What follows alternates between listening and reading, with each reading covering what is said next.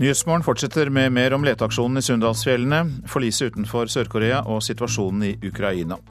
Vi skal eh, også høre mer om det vi nettopp hørte i Dagsnytt, at eh, melk eh, er billigere enn vann. Per Olav Lundteigen er opprørt. Og hybridbilene må få avgiftsfordeler. Det mener både NAF og Elbilforeningen.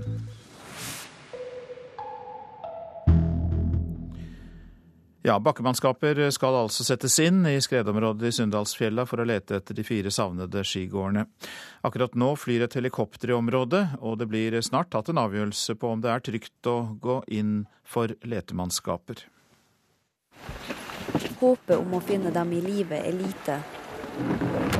Nå er det høyst sannsynlig døde som skal hentes ned. Signaler fra de fire ble fanga opp i går fra et område der det har gått et ras. Siden klokka fem i dag tidlig har politiet planlagt dagens leiting, sier lensmann Halvard Værmøy. Akkurat nå er jo helikopteret oppe og tar en første første rekognosering. Så hvis det går som vi håper på her, så vil vi eh, ha folk eh, inne i rasområdet ganske, ganske tidlig på dagen. Og vi er avhengig av å utnytte formiddagen. Det var mandag ettermiddag de fire fjellvante mennene ble meldt savna, etter at de ikke møtte kameratene sine på avtalt sted. Dårlig vær og stor skredfare har gjort letearbeidet vanskelig. Det er stor rasfare i området også i dag, og Værmøy sier de er avhengig av bra vær for å lete videre. Været har vel vært slik vi håpa på i natt, da. Så, sånn sett så ser det jo bra ut. Så det blir eh, aktuelt å kunne starte letinga der oppe nå eh, ganske snart? Ja, det vil i hvert fall bli tatt en beslutning på det ganske raskt nå når helikopteret kommer ned. Men eh, sånn som det ser ut, så eh, er det vel mye som tyder på at eh, det blir gjort et forsøk, ja. Reportere her, det var Håvard Ketil Sporsheim og Kristine Svendsen. Som vi hørte i Dagsnytt, utenfor kysten av Sør-Korea pågår det en stor redningsaksjon etter at en ferge begynte å synke i natt. De fleste passasjerene om bord var skoleelever og lærere. Og Asia-korrespondent Anders Magnus, kan du gi oss en siste oppdatering? Ja, nå har man eh, bekreftet at 368 eh, av eh, passasjerene om bord er reddet. To er bekreftet døde. Men det er jo fortsatt mer enn 100 som er savnet. Så man frykter jo for at flere, atskillig flere kan være døde av disse skoleelevene. Det er jo ungdommer ved en videregående skole i en by utenfor hovedstaden Seoul som var på skoletur med denne fergen fra havnebyen Incheon i nord til eh, denne øya Jeju, som ligger sør for Koreahalvøya. Eh, og, og fergen var eh, nesten kommet fram da den begynte å synke veldig raskt. Hva slags ferge var det? En relativt stor ferge? Ja da, den kunne ta 900 passasjerer, og det var også mange biler og lastebiler om bord. Det var en helt vanlig passasjerferge som uh, går i uh, trafikk regulært. Uh, det, var ingenting spesielt med den i det hele tatt. Sør-Korea er jo en sjøfartsnasjon. De bygger skip. De har eh, masse kystvakt og helikoptre langs sjøen. Så redningsaksjonen har kommet veldig raskt i gang. Det som eh, mange spør seg nå, er hvorfor eh, den sank så fort. Hva er det som har skjedd? Har den støtt på noe? Er det noe, noe en ulykke? Er det en sabotasje? Eh, det er det store spørsmålet her, som selvfølgelig også foreldrene til disse skoleelevene er eh, veldig eh, engstelige for å få rede på nå. Takk skal du ha, Asia-korrespondent Anders Magnus. Du følger med på dette for oss utover. I Ukraina sier presidentkandidat Julia Timosjenko at det står folk klare i alle landets fylker for å møte en russisk aggresjon. Det melder nyhetsbyrået Interfax. I en telefonsamtale i går kveld advarte Russlands eh, president Vladimir Putin den tyske forbundskansler Angela Merkel om at Ukraina er på kanten av borgerkrig. Og Moskva-korrespondent eh, Hans-Wilhelm eh, Steinfeld, hvordan beskrev Putin situasjonen? Putin eh, fortalte Angela Merkel at um, uansvarlige disposisjoner fra regjeringen i Kiev hadde brakt Ukraina på på stupet av borgerkrig. Han pekte særlig på at det å kjøre frem spesialtropper mot de russiske separatistene i sørøst-Ukraina gjør situasjonen svært vanskelig og truer firmakssamtalene i Genéve i morgen. Hva var Angela Merkels reaksjon, vet vi noe om det? Ja, det vet vi. Meget pragmatisk har kanslerkontoret sagt at eh, forbundskansler Angela Merkel og president Vladimir Putin har fullstendig ulike eh, oppfatninger av situasjonen i Ukraina. Og dermed, for å si det enkelt, har Putin fått seg en på snuten i løpet av ett døgn både fra Barack Obama, eh, Frankrikes president Francois Hollande og Angela Merkel. Putin er kolossalt selvovervurderende i denne situasjonen rent politisk. Så til den ukrainske presidentkandidaten Julia Timosjenko, som eh, snakker om en mobilisering mot russisk eh, aggresjon. Hva mener hun faktisk med det? Ja, det er jo faren for en russisk invasjon som da ligger i bakhodet på alle. Og det Timosjenko sier, er at det er mobiliseringssentraler i alle fylker nå for å møte en mulig russisk aggresjon dersom eh, Putin skulle finne på å invadere Sørøst-Ukraina, som han invaderte Krim.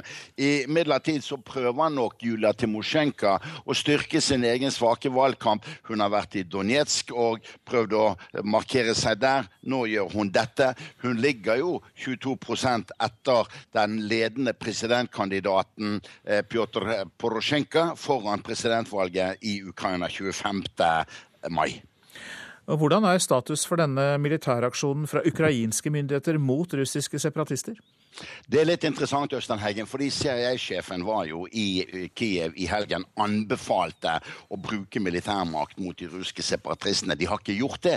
Åpenbart også med råd fra EU for å være et mer eh, forstandig regime enn eh, Janukovitsj-regimet var, som jo tok livet av 80 mennesker i uke 8. Det kan ikke eh, Kiev tillate seg å gjøre i Øst-Ukraina, også fordi de samtidig nå har kjørt ut forslag om en folkeavstemning, et referendum, og har håp om at flertallet av de etniske russerne faktisk ønsker å forbli borgere av Ukraina. Da må det ikke komme blodsofre, fordi russerne vil reagere like vondt på det som ukrainerne selv reagerte, og derfor er de tilbakeholdne.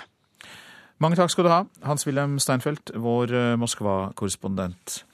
Senioranalytiker i Rysta Energy, Audun Martinsen, god morgen til deg.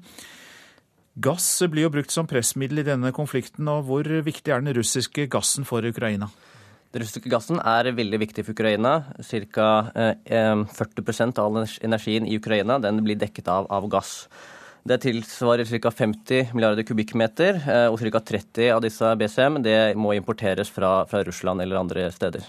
Og I går begynte det tyske gasselskapet RVE å selge gass fra Tyskland gjennom Polen til Ukraina, altså motsatt vei. Eh, hvilken betydning kan det få? Akkurat den avtalen har ikke så stor betydning. Vi snakker om kanskje volumer på 1-2 BCM som kan dekkes av deres egen produksjon. Hva, går... hva, betyr BCM? bare for Det er milliarder kubikkmeter gass. Ja, takk. Ja. Mm. Um, så det tilsvarer ca. 1-2 av det totale behov på 30. Så uh, totalt sett så har ikke dette en stor betydning akkurat nå, uh, kort sikt. Tror du flere energiselskaper da vil eh, følge på etter RVE, RVE, at eh, denne prosenten, andelen av forbruket, da kan gå opp? Ja, Det er helt klart at selskapene vil mer og mer rette seg mot Ukraina dersom de ser at det er uavklart og at de trenger et større behov for gass. Mm. Så utover vinteren, når det europeiske markedet også øker sin etterspørsel etter gass, så vil prisene også forventet å øke. Norge er jo en stor gassprodusent. Eh, kan Norge bidra til eh, gass i Ukraina? Ja, cirka, Hvis du ser litt større på det, så er ca. en fjerdedel av Norges produksjon vil kunne dekke hele av Ukrainas behov. Men det er jo slik at den norske produksjonen også dekker mye av det europeiske markedet. Slik at det vil være kun en liten del som vil kunne gå til, til Ukraina. Men ja, det er snakk om totalt sett en 60-70 milliarder kroner i, i kontrakter må, som kan dekkes gjennom Ukraina. Nå har vi jo sett disse kartene av eh, russiske, skråstrek ukrainske ledninger som går fra Russland gjennom Ukraina mot Europa. Men hvordan får de fraktet denne gassen motsatt vei? Ja, De har rett og slett eh, nok rørsystemer, slik at de kan bare sende gassen andre veien ved å, ved å tette på trykk. Så det er, er, fullt mulig. og Det har man også sett nå, at uh, RV sender gjennom Polen, og også Slovakia også har muligheter til å sende andre veien. Uh, så det er fullt mulig. Så Spørsmålet er om det er andre land etter hvert som kunne også gjøre det samme. Uh, og Da ser vi kanskje potensialet i Algerie, som kan sende gjennom, gjennom Italia. Hvordan eh, tror du at denne andelen kan eh, bli til slutt? Du sier nå at eh, den tyske gassen som nå sendes inn, utgjør jo egentlig en forsvinnende liten del av forbruket i Ukraina. Men hvis du tenker et stykke tid framover, hvis denne krisen fortsetter, hvor stor andel kan man dekke? Man kan egentlig dekke alt sammen. Det man er, har behov for da, er å få inn mer fleksibel gass gjennom LNG-skip. Og her har man mulighet f.eks. gjennom Qatar. Det amerikanske markedet kan også dekke noe. og Også Snøhvit-anlegget i Norge kan ha mer fleksible eh, eh, sendinger til Ukraina. Problemet Ukraina har jo ikke noe LNG-mottaksterminal, så det vil mest sannsynlig gå inn i det europeiske markedet og dernest sendes gjennom rørledninger. Takk skal du ha, Audun Martinsen. Eh, du er da senioranalytiker i Rystad Energy. Takk skal du ha. Dette er Nyhetsmorgen, og der er klokka 7.14. Vi har disse hovedsakene. Letingen etter de fire savnede i Sunndalsfjella tas opp igjen. Om kort tid eh, håper politiet det er helikopter i eh, området nå. En ferge med hundrevis av barn om bord er i havsnød utenfor Sør-Korea. Mange er reddet, men fortsatt er eh, om lag 100 passasjerer savnet. Og eh, vi skal eh, høre at Vebjørn Sand skal bygge en bro ved Leonardo da Vincis grav i Loiredalen i Frankrike.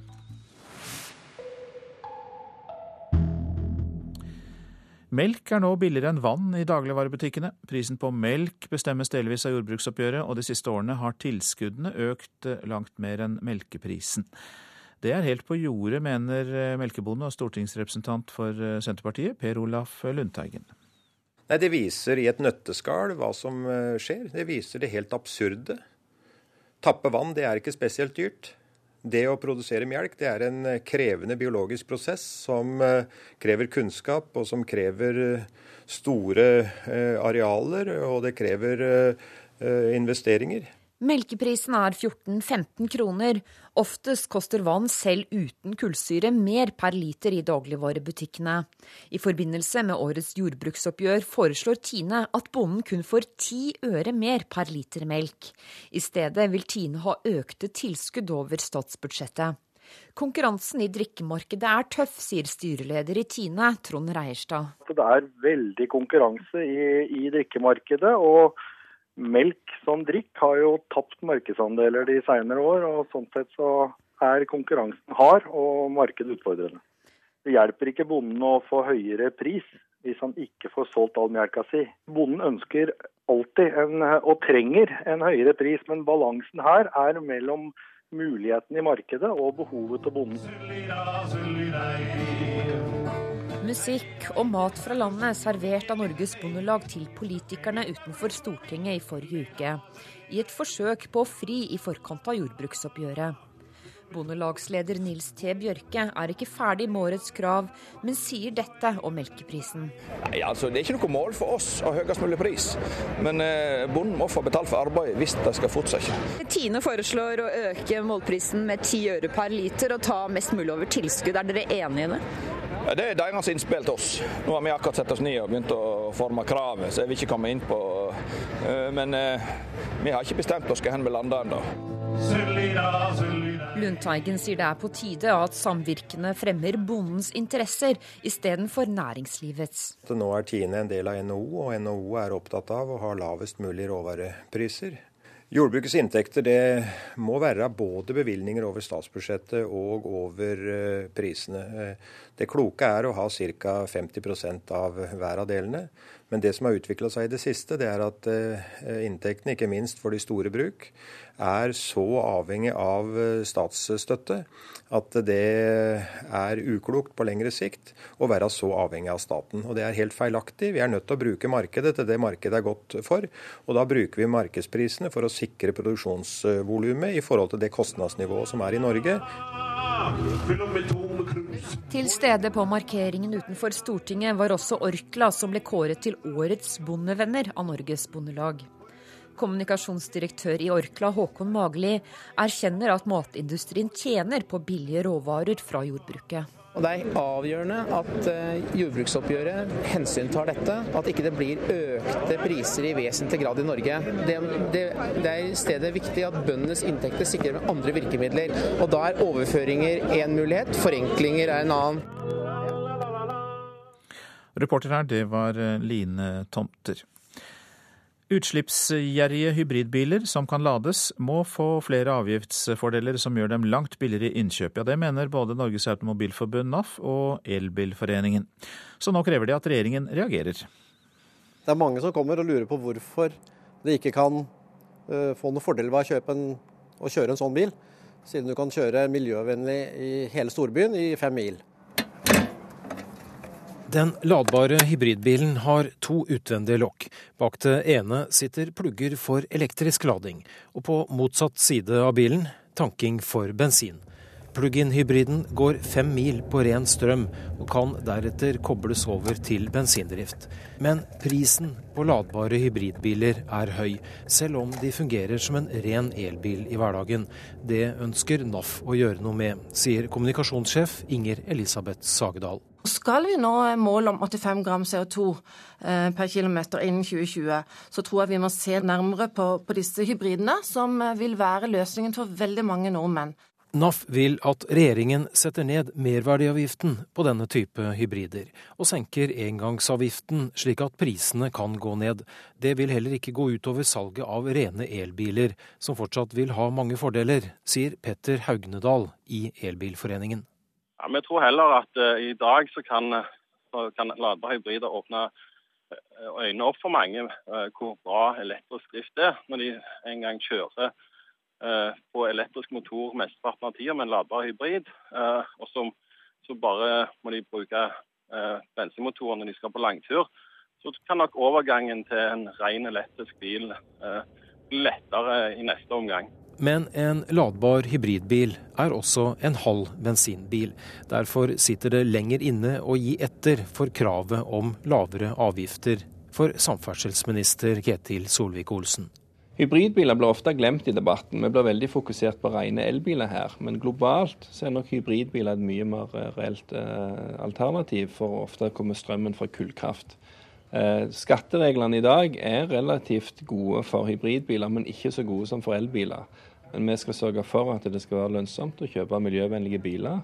Om det betyr at det må være rene elbiler, eller om du òg kan se på ladbare hybridbiler, det gjenstår å konkludere på. Reportere her, det var Lars Håkon Pedersen og Odd Rømteland. Ja, god morgen, Øyvind Solberg Thorsen. Du er direktør i Opplysningsrådet for veitrafikken, som da er et eh, uavhengig organ. og Er det fornuftig for samfunnet å gi avgiftslettelser til ladbare hybridbiler? Jeg tror nok det er eh, fornuftig å gi eh, fordeler til biler som har lave utslipp, uansett om det er ladbare hybridbiler eller det er hydrogenbiler eller hva det måtte være. Mm. Det som er viktig, er at vi får ned utslippene fra veitrafikken. Men hva tror du om mulighetene framover for hybridbilene, da sammenlignet med elektriske? For det var jo de som sto litt opp mot hverandre i innslaget her. Ja, sånn som det er nå, så selges det ganske mange elbiler. Men det selges veldig få ladbare hybridbiler. Det har ikke Ola og Kari Nordmann oppdaget ennå. Eh. Men eh, du sier at du ser eh, fordeler eh, med hybridbilene. Og hvor er det først og fremst at de kan eh, gjøre nytten? Ja, altså de har jo, som det ble sagt på innslaget, eh, ikke utslipp hvis du kjører de rent elektrisk i byen. Eh, så det er klart at for noen som da kjører mye i byen, men som likevel trenger en bil som har lang rekkevidde, og som er veldig redd for eh, dette med rekkevidden til elbilene, så kan de ladbare hybridene være svaret, rett og slett. Nå ble det jo sagt i innslaget også da, at det er jo en halv bensinbil. og Tror du det bidrar til å bremse viljen til å gi dem avgiftslettelse? Ja, det tror jeg nok. Eh, og det er litt synd, fordi at eh, de har veldig gode egenskaper helt på linje med elbiler når man kjører dem rent elektrisk. Men eh, jeg håper jo at det kommer til å skje ting her med hensyn på avgiftene. Det er varslet en helhetlig gjennomgang av bilavgiftene i 2015. og eh, det var riktignok av den forrige regjeringen, men eh, jeg tror nok at nåværende regjering også er veldig interessert i å foreta den gjennomgangen. Ja, Så står jo 2017 eh, som et sånn lysende tall for de som kjører rundt i elbiler, og kanskje også da for de med hybridbil, hvis det blir lettelser der.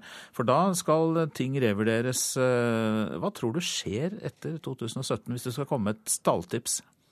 Ja, det kommer nok til å bli endringer, fordi eh, elbilene i dag har eh, veldig mange gunstige ordninger. Kanskje altfor gunstige ordninger hvis vi ser på eh, hvordan de eh, da har avgiftsletter, eh, fordeler med gratis ferger og bomring osv. Sammenlignet med vanlige biler. Eh, en elbil tar jo også opp plass på veien og sliter veien, så her må det nok skje et eller annet. Og så da, som du sier, kanskje litt bedre vilkår for hybridbilen? Ja, vi tror vel på det. fordi eh, hvis vi ser nå bare på salgstallene veldig fort, så har vi eh, altså per i dag eh, drøyt 26 000 elbiler i Norge. Vi har 2,5 million personbiler, men vi har bare 1000 ladbare hybrider. Og det er altfor lite i forhold til de gode egenskapene som disse bilene har. Takk skal du ha for eh, disse opplysningene fra deg, Øyvind Solberg Thorsen, som altså er direktør for Opplysningsrådet for eh, veitrafikken. Så skal vi ta for oss det avisene har fokusert på i dag. En gåte hva som gikk galt, skriver Adresseavisen om raset i Sunndal. Fire av landets fremste toppturløpere er fortsatt savnet. Sikkerhetskulturen står sterkt i dette miljøet. Det gjelder også disse fire mennene fra Trondheim og Sunndal, sier Tore Meirik, som er redaktør av skisportbladet Fri Flyt. Husker du kampanjen fra SOS Barnebyer med 'Johannes uten jakke', spør Aftenposten i dag. 14 millioner klikket på YouTube-videoen i vinter med forbipasserende som ga Johannes jakker, og det ble samlet inn 2,3 millioner kroner til syriske barn. Søstrene Jana og Juri på to og fire år bor i Damaskus og er blant de barna som har fått eh, varme jakker etter denne kampanjen, og de blir eh, Aftenposten forteller om dem i dag. Digitale dusørjegere selger sikkerhetshull for milliarder, er oppslaget i Dagens Næringsliv. Hackere oppsporer svakheter i datasystemer som verden ennå ikke vet om. Og disse virusmeglerne selger kunnskapen videre til både kriminelle og til myndigheter. Klassekampen forteller om en omfattende minneinnsamling som pågår nå. Forskere, lokalhistorikere og museer er gått sammen om å samle inn flest mulig minner fra livene til folk som ble født før 1950, bl.a. fra andre verdenskrig. Folk eh, oppfordres til å sende inn dagbøker, tekster og bilder. Dagsavisen går tilbake til påsken 1965, da granatmannen lammet Oslo. Han plasserte granatfeller i hovedstaden for å sprenge folk og skape frykt. Fem granater ble lagt ut, men gjerningsmannen ble aldri tatt. Åtte kjentfolk som gikk på en smell, forteller sine historier til VG. De mistet jobben og forsvant fra rampelyset, men taklet motgangen. Og tre av dem som presenteres, der Einar Gelius, Grete Farmo og Per Ståle Lønning. Bytte ut biffen, det er oppslaget i Nasjonen. FNs klimapanel mener at storfe er den mest klimaskadelige kjøtttypen og står for 65% av klimagassutslippene fra landbruket. Kylling og svin er bedre klimaalternativer. Og presten som mistet troen, står fram på forsiden av Vårt Land. Asle Rossavik sier at alt ble kaos da troen på Gud forsvant, men nå er han igjen prest i Lambertseter menighet i Oslo, og sier han kunne sendt et takkebrev til superateisten Richard Dawkins for den Gud som han ønsker å ta livet av gjennom bøkene. Det er en Gud som også måtte dø for meg. Ja, det sier altså Rossavik til Vårt Land. En bro ved Leonardo da Vincis grav i Loiredalen i Frankrike blir et av Vebjørn Sands nye prosjekter.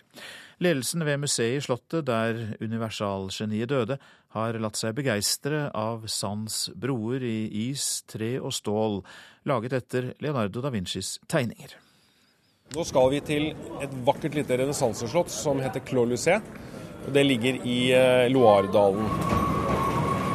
Vi er på toget på vei til den franske byen Amboise, der Leonardo da Vinci er gravlagt, og levde de siste tre årene av sitt liv. Nå skal en av de største europeiske begavelser hedres for sine fremtidsvisjoner. Og da er det kunstneren Vebjørn Sand museet ber om hjelp. I det maleriske landskapet, som ofte omtales som Frankrikes hage, ble Mona Lisa ferdigmalt, broer konstruert og vitenskap satt ut i livet. I parken rundt slottet Clolycé er oppfinneren, vitenskapsmannen og kunstneren hedret med 40 installasjoner. Men én bro mangler. Den smekre broen som skulle krysse Det gylne horn ved Bosporosstredet i Istanbul. Her nå kommer vi til eh, det stedet hvor da Leonardos eh, bro eh, skal oppføres. Museet har rundt 400 000 besøkende hvert år, og har knyttet til seg Sand fordi han både har kunnskapen og erfaringen som trengs for å bruke ny teknologi. Jeg har jo blitt helt forelsket i den broen. Altså, jeg har jo jobbet med dette prosjektet på, på mange måter siden jeg oppdaget Leonardos bro i 1996. Eh, og det resulterte jo i den første, da, som står i Ås kommune. Eh, og det var jo første gangen, faktisk, at et fullskalaprosjekt basert på Leonardos arkitektur og ingeniørkunst var blitt bygget. Med seg til Frankrike har han Åge Holmestad, som er sjef for tregiganten Moelven. De var med da broen over E18 på Ås ble oppført. Nå vil de samarbeide med kunstneren på nytt. Vi har vært med å bygge Leonardo-brua i Ås, og da var det jo naturlig for Vebjørn å komme til oss når han skulle bygge Leonardo da Vinci-bru i, i, i, Frankrike også. Og så er det, det på en måte en teknologisk utvikling også i forhold til den Leonardo-brua som uh, var bygd i Ås, som det er snart 15 år siden den var bygd. Francois Sambri har vokst opp på Slottet og er i dag president for museet. Han sier det er ekstra spennende å bygge en bro basert på 500 år gamle tegninger med moderne teknologi.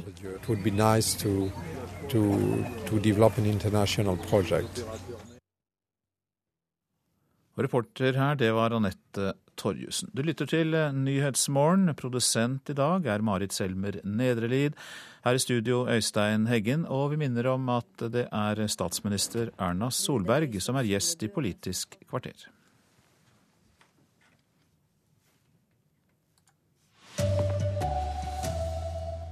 Letemannskaper flys inn med helikopter i skredområdet i Sunndalsfjella, der fire skiløpere er savnet. Ei ferge med skoleelever kantret utenfor Sør-Korea. Mange passasjerer er ikke funnet. Og melk er billigere enn vann i butikkene. Helt på jordet, mener melkebonde Per Olaf Lundteigen. Her er NRK Dagsnytt klokka 7.30. Bakkemannskaper skal settes inn i skredområdet i Sunndalsfjella for å lete etter de fire savnede skigåerne. Akkurat nå så flyr et helikopter i området, og det blir snart tatt en avgjørelse på om det er trygt å gå inn. Håpet om å finne dem i live er lite. Nå er det høyst sannsynlig døde som skal hentes ned. Signaler fra de fire ble fanga opp i går fra et område der det har gått et ras. Siden klokka fem i dag tidlig har politiet planlagt dagens leiting. Lensmann Halvard Værmøy sier målet er at bakkemannskap skal fires ned i skredområdet. Akkurat nå er jo helikopteret oppe og tar en eh, første rekognosering. Så hvis det går som vi håper på her, så vil vi eh, ha folk eh, inne i rasområdet ganske ganske tidlig på dagen, og vi er avhengig av å utnytte formiddagen. Det var mandag ettermiddag de fire fjellvante mennene ble meldt savna, etter at de ikke møtte kameratene sine på avtalt sted. Dårlig vær og stor skredfare har gjort letearbeidet vanskelig.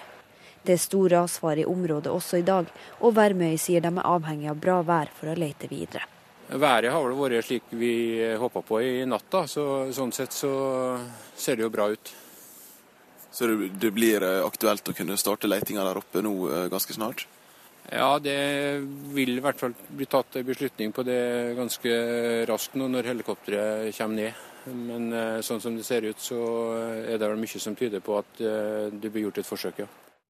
Reporter her, det var Kristine Svendsen.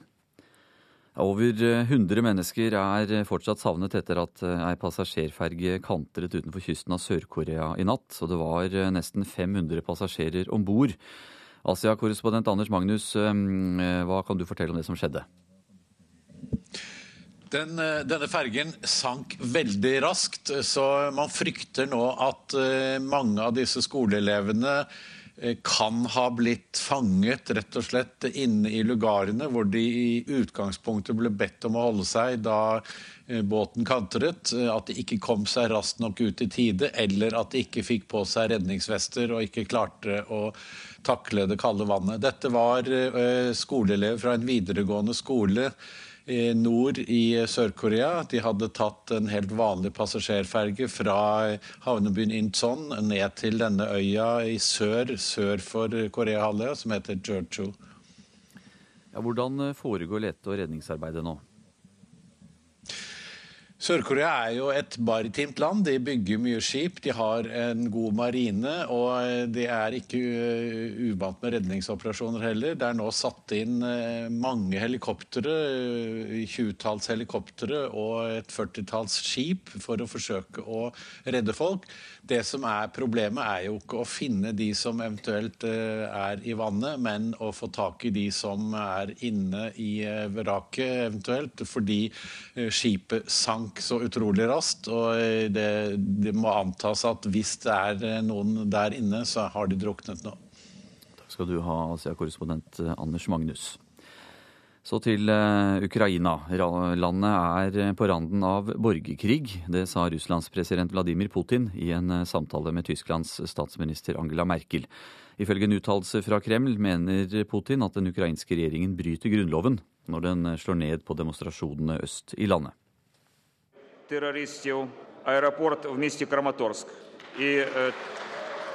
Terrorister kaller den fungerende ukrainske presidenten de prorussiske styrkene som har okkupert bygninger og områder i flere byer øst i Ukraina. Meldinga om at en flybase i Kramatorsk var frigjort av ukrainske styrker, ble møtt med applaus i parlamentet i går. Dette var den første væpna aksjonen mot de prorussiske styrkene, og det er uklart om noen ble drept eller skada.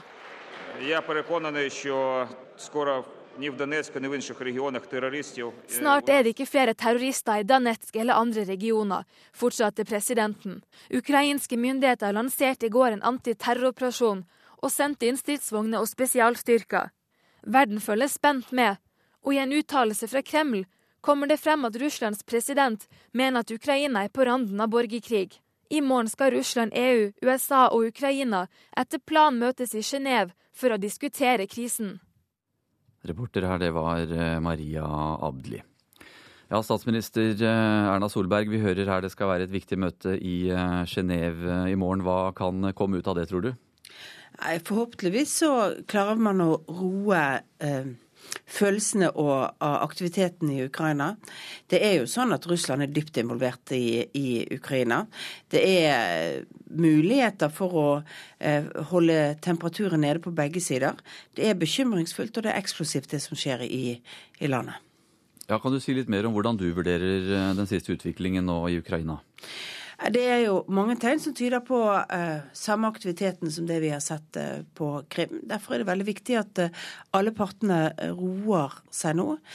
sørger for at man får tid til bl.a. å gjennomføre det valget som skal skje i slutten av mai, som gjør at man har en demokratisk valgt regjering etter hvert i, i, Ukraina, at man har president. Det det er viktig å sørge for at at alle viser klokskap, og at man har eh, tid til den dialogen og diskusjonen som, som, som, trengs om Ukrainas fremtid. Og Da er det viktig at alle partene rundt, og der er Russland en nøkkelnasjon. Norge har tradisjonelt hatt et godt forhold til Russland. Hva kan Norge gjøre overfor russerne i denne situasjonen? Jeg tror det er veldig viktig at vi er tydelige på linje med de andre landene om at det er uakseptabelt å bryte folkeretten sånn som man har gjort på Krim. Det å stille opp 40 000 soldater på grensene til Ukraina sånn som Russland har gjort nå, utøver et utilbørlig press på et annet land i en ustabil situasjon. Og som sagt så er det sånn at Russland er dypt involvert i mye av det som skjer i, i Ukraina, og bør derfor vise tilbakeholdenhet. Takk skal du ha, statsminister Erna Solberg. Skal vi høre at melk nå er billigere enn vann i dagligvarebutikkene. Helt på jordet, mener melkebonde og stortingsrepresentant for Senterpartiet Per Olaf Lundteigen. Det viser det helt absurde. Tappe vann, det er ikke spesielt dyrt. Det å produsere melk det er en krevende biologisk prosess som krever kunnskap, og som krever store arealer, og det krever investeringer. Melkeprisen er 14-15 kroner. Oftest koster vann selv uten kullsyre mer per liter i dagligvarebutikkene. I forbindelse med årets jordbruksoppgjør foreslår Tine at bonden kun får ti øre mer per liter melk. I stedet vil Tine ha økte tilskudd over statsbudsjettet. Konkurransen i drikkemarkedet er tøff, sier styreleder i Tine, Trond Reierstad. Og melk som drikk har jo tapt markedsandeler de senere år, og sånn sett så er konkurransen hard og markedet utfordrende. Bonden ønsker alltid en, og trenger en høyere pris, men balansen her er mellom muligheten i markedet og behovet til bonden. Musikk og mat fra landet servert av Norges Bondelag til politikerne utenfor Stortinget i forrige uke, i et forsøk på å fri i forkant av jordbruksoppgjøret. Bondelagsleder Nils T. Bjørke er ikke ferdig med årets krav, men sier dette om melkeprisen. Nei, altså Det er ikke noe mål for oss å ha høyest mulig pris, men eh, bonden må få betalt for arbeid hvis det skal fortsette. Reporter eh, Line Tomter, også sport. For eh, Barcelona er det trolig siste mulighet til å vinne en tittel denne sesongen, i kveldens cupfinale i fotball i Spania i dag. Det blir utvilsomt mye trøkk på Mestalla når erkerivalen Real Madrid og Barcelona møtes i den spanske cupfinalen i kveld. Hovedstadslaget må klare seg uten Cristiano Ronaldo i sesongens tredje møte mellom lagene. De to første har endt med Barcelona-seier.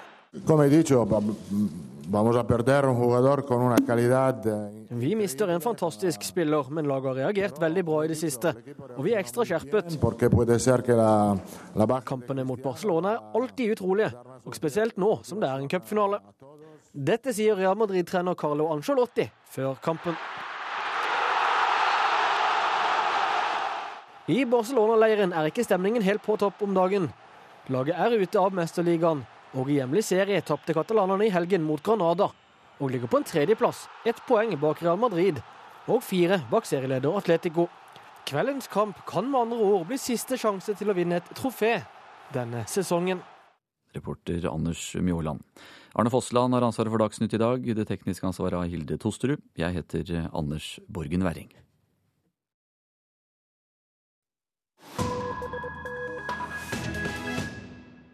Så slår vi fast at det er Nyhetsmorgen du lytter til. I det nordafrikanske landet Algerie er det presidentvalg i morgen. De aller fleste regner med at president Abdelaziz Bouteflika kommer til å vinne valget og dermed få en fjerde periode. Men valgkampen har foregått uten hovedpersonen selv. Midtøsten-korrespondent Sigurd Falkenberg Mikkelsen har mer. De kan lage lyd nå, opposisjonen til president Abdelaziz Bouteflika i Algerie. Presidentvalget i morgen gir de et lite vindu til å uttrykke sin misnøye.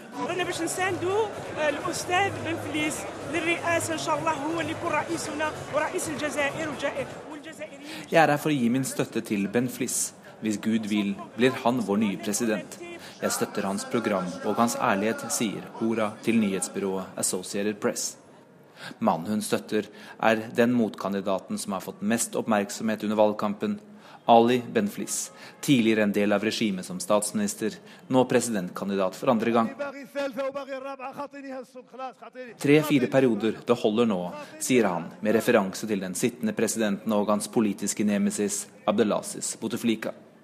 For selv om han har fått mye oppmerksomhet, tror de færreste at han har noen som helst sjanse til å vinne valget, etter det som må ha vært en av de mest merkverdige valgkampene i nyere tid, der kandidaten som alle regner med vil vinne, president Bouteflika, ikke engang har drevet valgkamp. Bouteflika endret på grunnloven for å gi seg selv muligheten til å bli president for fjerde gang, men har nylig gjennomført en alvorlig operasjon og tilbrakt tre måneder på et sykehus i Frankrike. I stedet har hans støttespillere drevet valgkamp for han, mens Bouteflika bare for andre gang dukket opp på fjernsyn denne helgen. Da under et møte med Spanias utenriksminister, hvor han beskyldte sin motkandidat for å ha oppfordret til terrorisme etter at Ben Fliss advarte om valgfusk.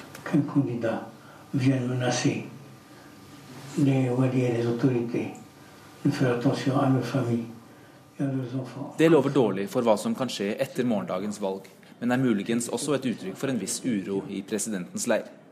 Benflis budskap har hele tiden vært ett om forandring, og en befolkning med stor arbeidsledighet, mye lediggang og høy korrupsjon finner det gjenklang.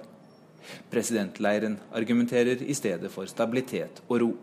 Det spiller både på den opprivende borgerkrigen mellom regimet og islamistene på 1990-tallet, og på alt som skjer her i den arabiske verden for øyeblikket.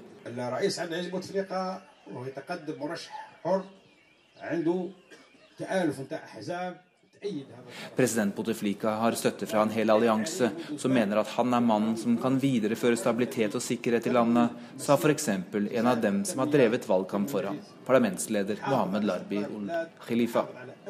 For Bouteflika representerer ikke bare seg selv dette valget, men et helt styringssystem som har sitt utspring i uavhengighetskrigen mot Frankrike.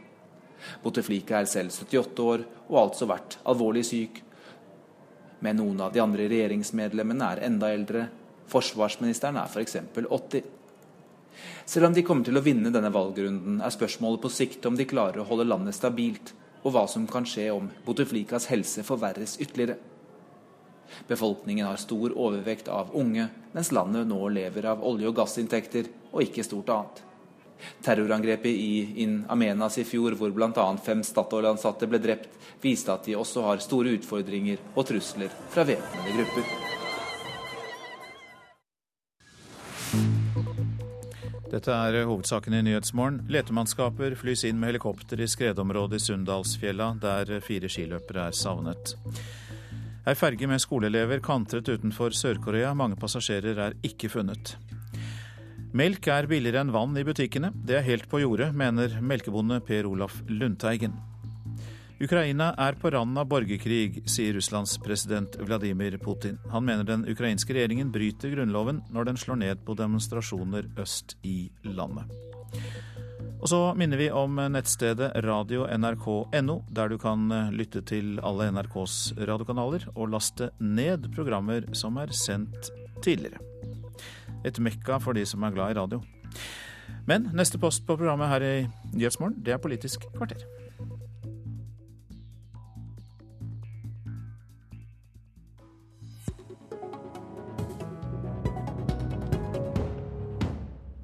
Det er kanskje litt barnslig å feire halvtårsbursdag, men det bryr vi oss ikke om i Politisk kvarter, for i dag er den blå-blå regjeringa seks måneder gammel.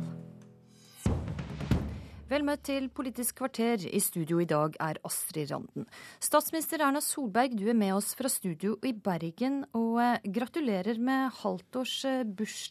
Er det blitt mindre tid til eh, dataspillet Candy Crush i din nye jobb? Ja, litt mindre tid til dataspill generelt er det jo. Og uh, ja, jeg, jeg, opplever vel ikke at jeg jobber så mye mer enn jeg gjorde som partileder i Høyre, men det er mye mer intensivt, for det er godt organisert rundt uh, statsministeren, så du får gjort mye mer. Men du har altså jobba for å få denne jobben i årevis, og blei det sånn som du hadde trodd? Altså svara den nye jobben til de forventningene som du hadde? Det gjør den jo. Jeg har jo sittet i regjering før, så jeg har jo visst hvordan et regjeringsapparat fungerer. Men det er klart eh, eh, man er jo alltid litt utålmodig på å gjøre ting raskere. Vite at eh, du skulle få gjort beslutningene enda litt raskere enn det man få til. Men eh, jeg, jeg, vet jo også at det er et viktig prosess. Det er viktige høringer når du skal ha lovforslag frem. Det, det tar sin tid å komme frem til uh, endelige beslutninger. Så det går ikke fort nok for det, altså? Nei, innimellom. Så jeg tror jeg alle politikere vil føle at uh, de sikkerhetsmekanismene som ligger i god prosess, de kan gjøre at man blir litt utålmodige. Mm. Hva har vært den mest krevende saken de første seks månedene? Altså, jeg opplever ikke at vi har noen sånne særlige krevende saker. Jeg tror eh, Den største utfordringen er selvfølgelig vi er en mindretallsregjering. Det betyr at vi må passe på å eh, få gjennom sakene våre i Stortinget. Vi eh, forsøker å avklare saker på forhånd. Det er en krev, mer krevende prosess enn å ha et rent flertall i regjeringen. Men jeg syns egentlig at det går bra uten at jeg syns at det er noen voldsomt krevende saker. Saka som kommentatorene peker på som den mest krevende saka det første halvåret, er reservasjonsmulighetssaka, som de kaller den. Reservasjonsrettssaka, som resten av oss kaller den. Hva burde det ha gjort annerledes for å slippe unna alt dette bråket? Jeg er ikke sikker på om det er mulighet for å slippe vekk fra den debatten som eh, det utløste. Utløste. Eh, når vi kaller det en reservasjonsmulighet, så er det fordi det er en mulighet, ikke en rettighet. Det er faktisk bare slik at når kvinnens rett til god behandling i helsevesenet er imøtekommet, at en lege vil få muligheten til å kunne reservere seg. Men uh, dette er altså blitt kalla din marerittsak, og et samla kommentatorkorps hevda den er dårlig håndtert. Ser du ingenting som du og regjeringa burde gjort annerledes? Sikkert mange ting vi kunne gjort annerledes. Jeg opplever jo litt at den diskusjonen vi har hatt, går veldig mye om det opprinnelige forslaget, nemlig reservasjonsretten, og mindre om det regjeringen eh, har ment, nemlig en reservasjonsmulighet. Så tror jeg at dette er en sak som er veldig preget av Eh, ja, dype følelser knyttet til abortloven og eh, kanskje ikke vært en sak hvor det hadde vært mulig å komme unna gjennom annen behandling. At folk hadde reagert og ment at eh, de som er opptatt av det, mente at de ikke skal få den muligheten som vi legger opp til. Mens andre har sterke følelser på at vi nettopp må ta vare på samvittighetsspørsmålene og si at det at en fastlege får en mulighet til når pasienten og kvinnen er tatt godt i vare, eh, og reserverer seg mot å henvise, det er eh, en rettighet som et demokratisk samfunn bør kunne gi en minoritet. Det har fått inn eh, over 1000 høringssvar, noe som er rekord. Og et stort flertall av disse er negative til forslaget. Ser du noen vei ut av dette her? Fins det et form for kompromiss som du nå kan gå inn på? Altså, Dette dreier seg om en avtale vi har gjort med Kristelig Folkeparti i forbindelse med regjeringsdannelsen. Og jeg er opptatt, av å, jeg er opptatt av å respektere avtaler vi har. Så skal vi gå gjennom alle høringsuttalelsene. Og det er selvfølgelig sånn at deler av det forslaget vi har, kan vi sikkert se på måten det er organisert på. Men selve prinsippet, altså det at vi ikke skal tvinge personer som har dype samvittighetskvaler ved å henvise til eh, abort, til å tvinge de til å, å, gjøre det. Eh, det tror jeg ikke at eh, det er mulig for oss å gå vekk fra. Selv om det er mange som har reagert på måten vi foreslår det på, så vil jeg si at jeg får også masse tilbakemeldinger om at det er viktig at vi i sånne prinsipielle spørsmål også tar minoriteter, de få menneskene i samfunnet som har sterke følelser knyttet til en henvisningstvang, på alvor. Hareide sa til eh, Klassekampen at han er uroa for at reservasjonssaka blir en kortvarig suksess, siden den ikke har mer støtte. Deler du den bekymringa?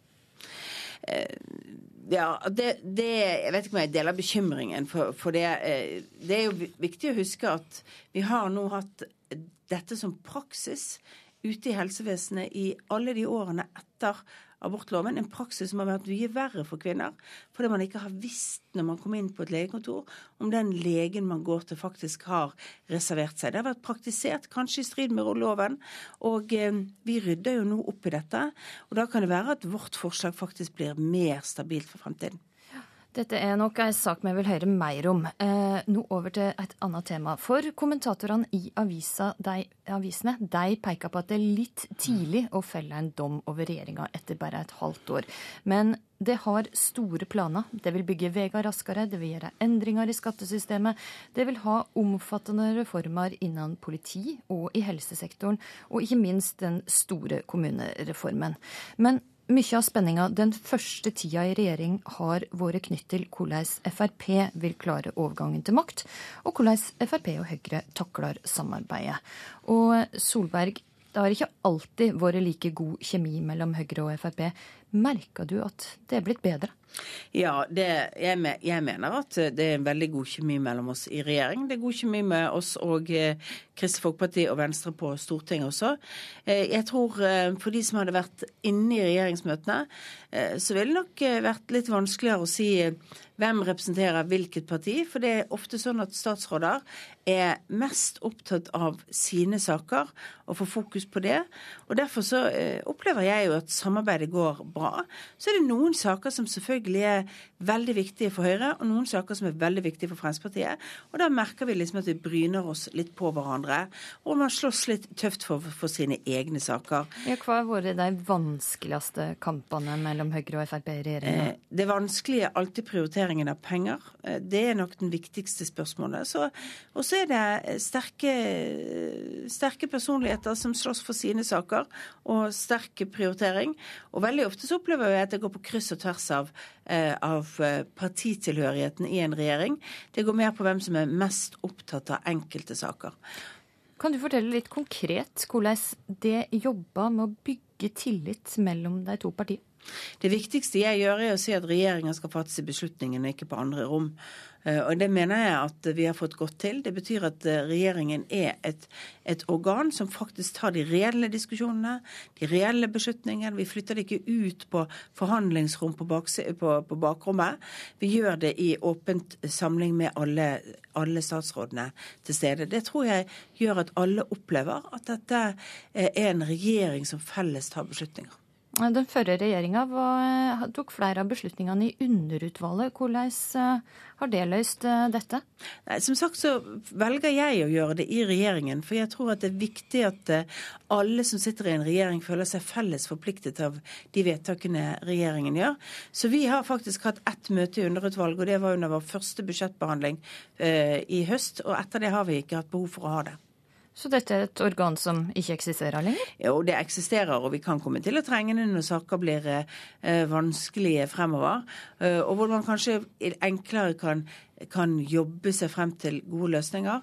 Men så langt så har vi klart å gjøre dette i plenum i regjeringen, og det er jeg litt eh, fornøyd med. For det betyr at alle føler at de er en deltaker på lik linje i de politiske debattene. Og alle statsråder deltar på en måte i diskusjonen om løsningene som regjeringen skal presentere både utad og til Stortinget.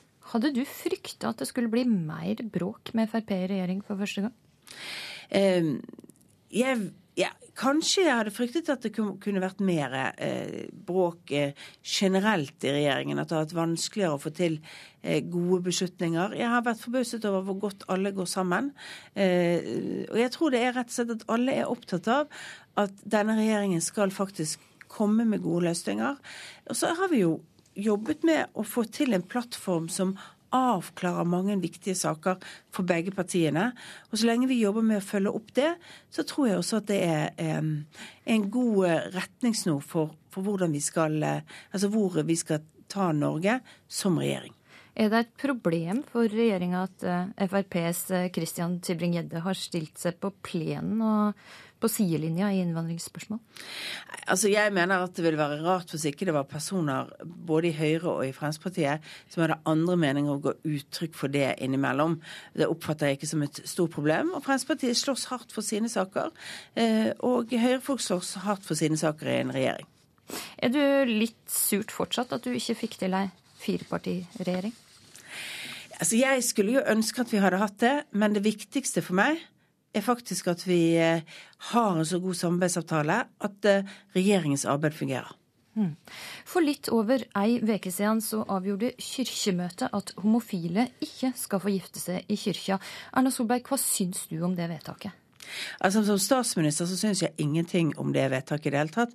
Jeg respekterer at dette er et spørsmål som Kirken avgjør. Så jeg er medlem av Kirken selv, og som medlem av Kirken har jeg selvfølgelig meninger. Men jeg tenker at som statsminister trenger jeg ikke uttrykke mine private meninger om dette i offentligheten. Men mener du at homofile bør få gifte seg i kirka?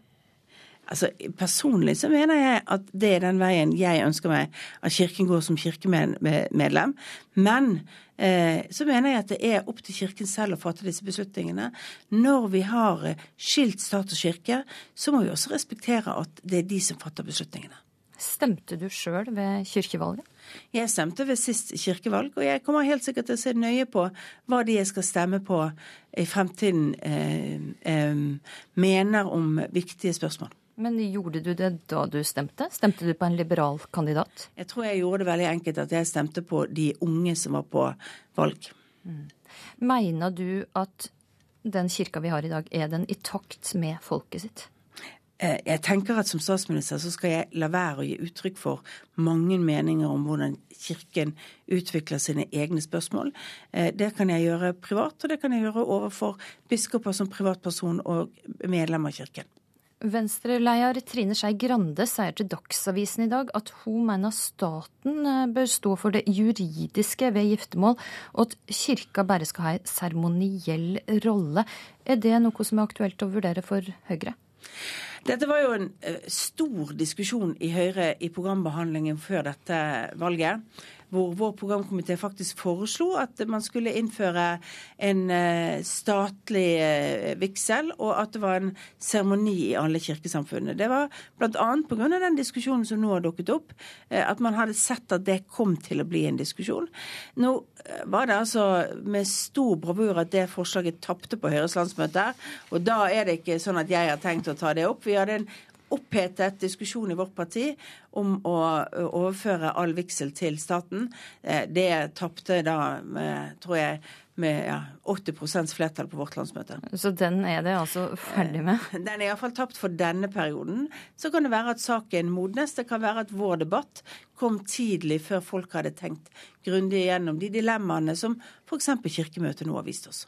Flere motstandere av vedtaket har reagert med å melde seg ut av kyrkja. Hva mener du er den beste måten for folk å påvirke for å få gjennom sitt syn? Det er å stemme ved kirkevalget. Det er å stille spørsmål til de som er kandidater. Og det er å sørge for å delta i prosesser og ikke bare melde seg ut. Mm. Til slutt så skal vi se litt framover, Erna Solberg. Hva må du ha gjort før sommeren, før du kan si deg fornøyd med arbeidet i regjering? Jeg har jeg, er opptatt av at eh, vi har eh, et langtidsperspektiv på å sitte i regjering. Vi har noen veldig viktige saker som vi har eh, sagt til velgerne at vi skal gjennomføre. Vi skal ha et løft for lærerne gjennom etter- og videreutdanning. Vi skal sørge for at vi får et bedre fungerende helsevesen, både med kortere køer, med en prioritet på rus og psykisk helsevern. Vi har sagt at vi skal bygge veier raskere.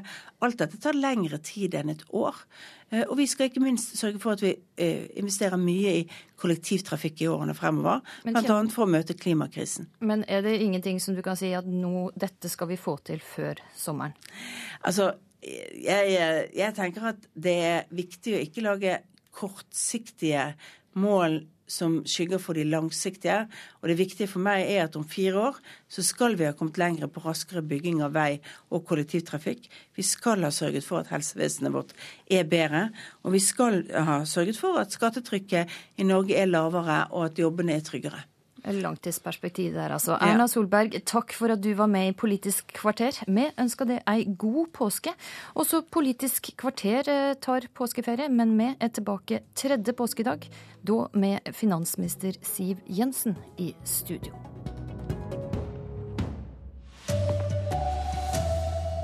Statsminister Erna Solberg ber partene i Ukraina-konflikten om å roe seg. Hybridbiler må bli billigere, mener NAF og Elbilforeningen. Samferdselsministeren er på glid. Her er NRK Dagsnytt klokka åtte. Russlands president Vladimir Putin sier Ukraina er på randen av borgerkrig. Men Russland er selv dypt involvert, sier statsminister Erna Solberg.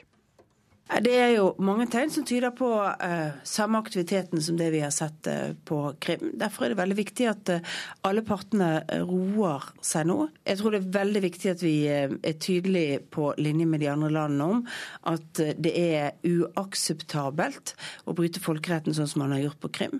Det å stille opp 40 000 soldater på grensene til Ukraina sånn som Russland har gjort nå, utøver et utilbørlig press på et annet land i en ustabil situasjon situasjon.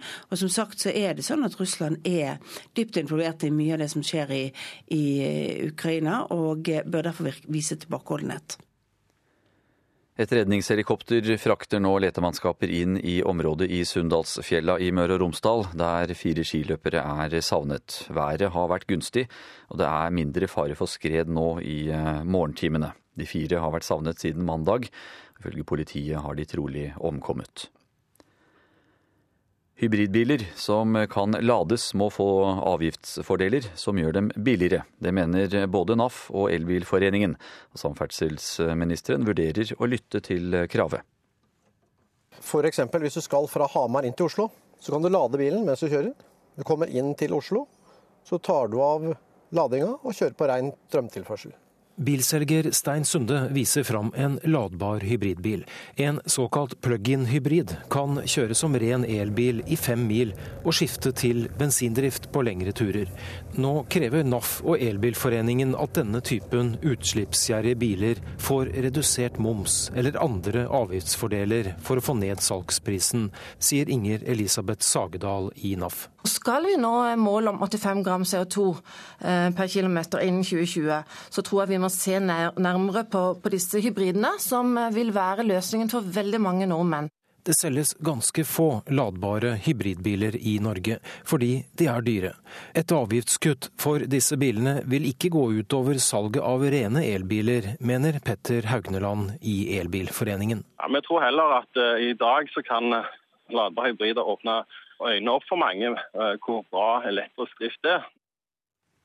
Reportere her, det var Lars Håkon Pedersen og Odd Rømteland. Og det var NRK Dagsnytt eh, i denne omgang. Jeg heter Anders Borgen Werring.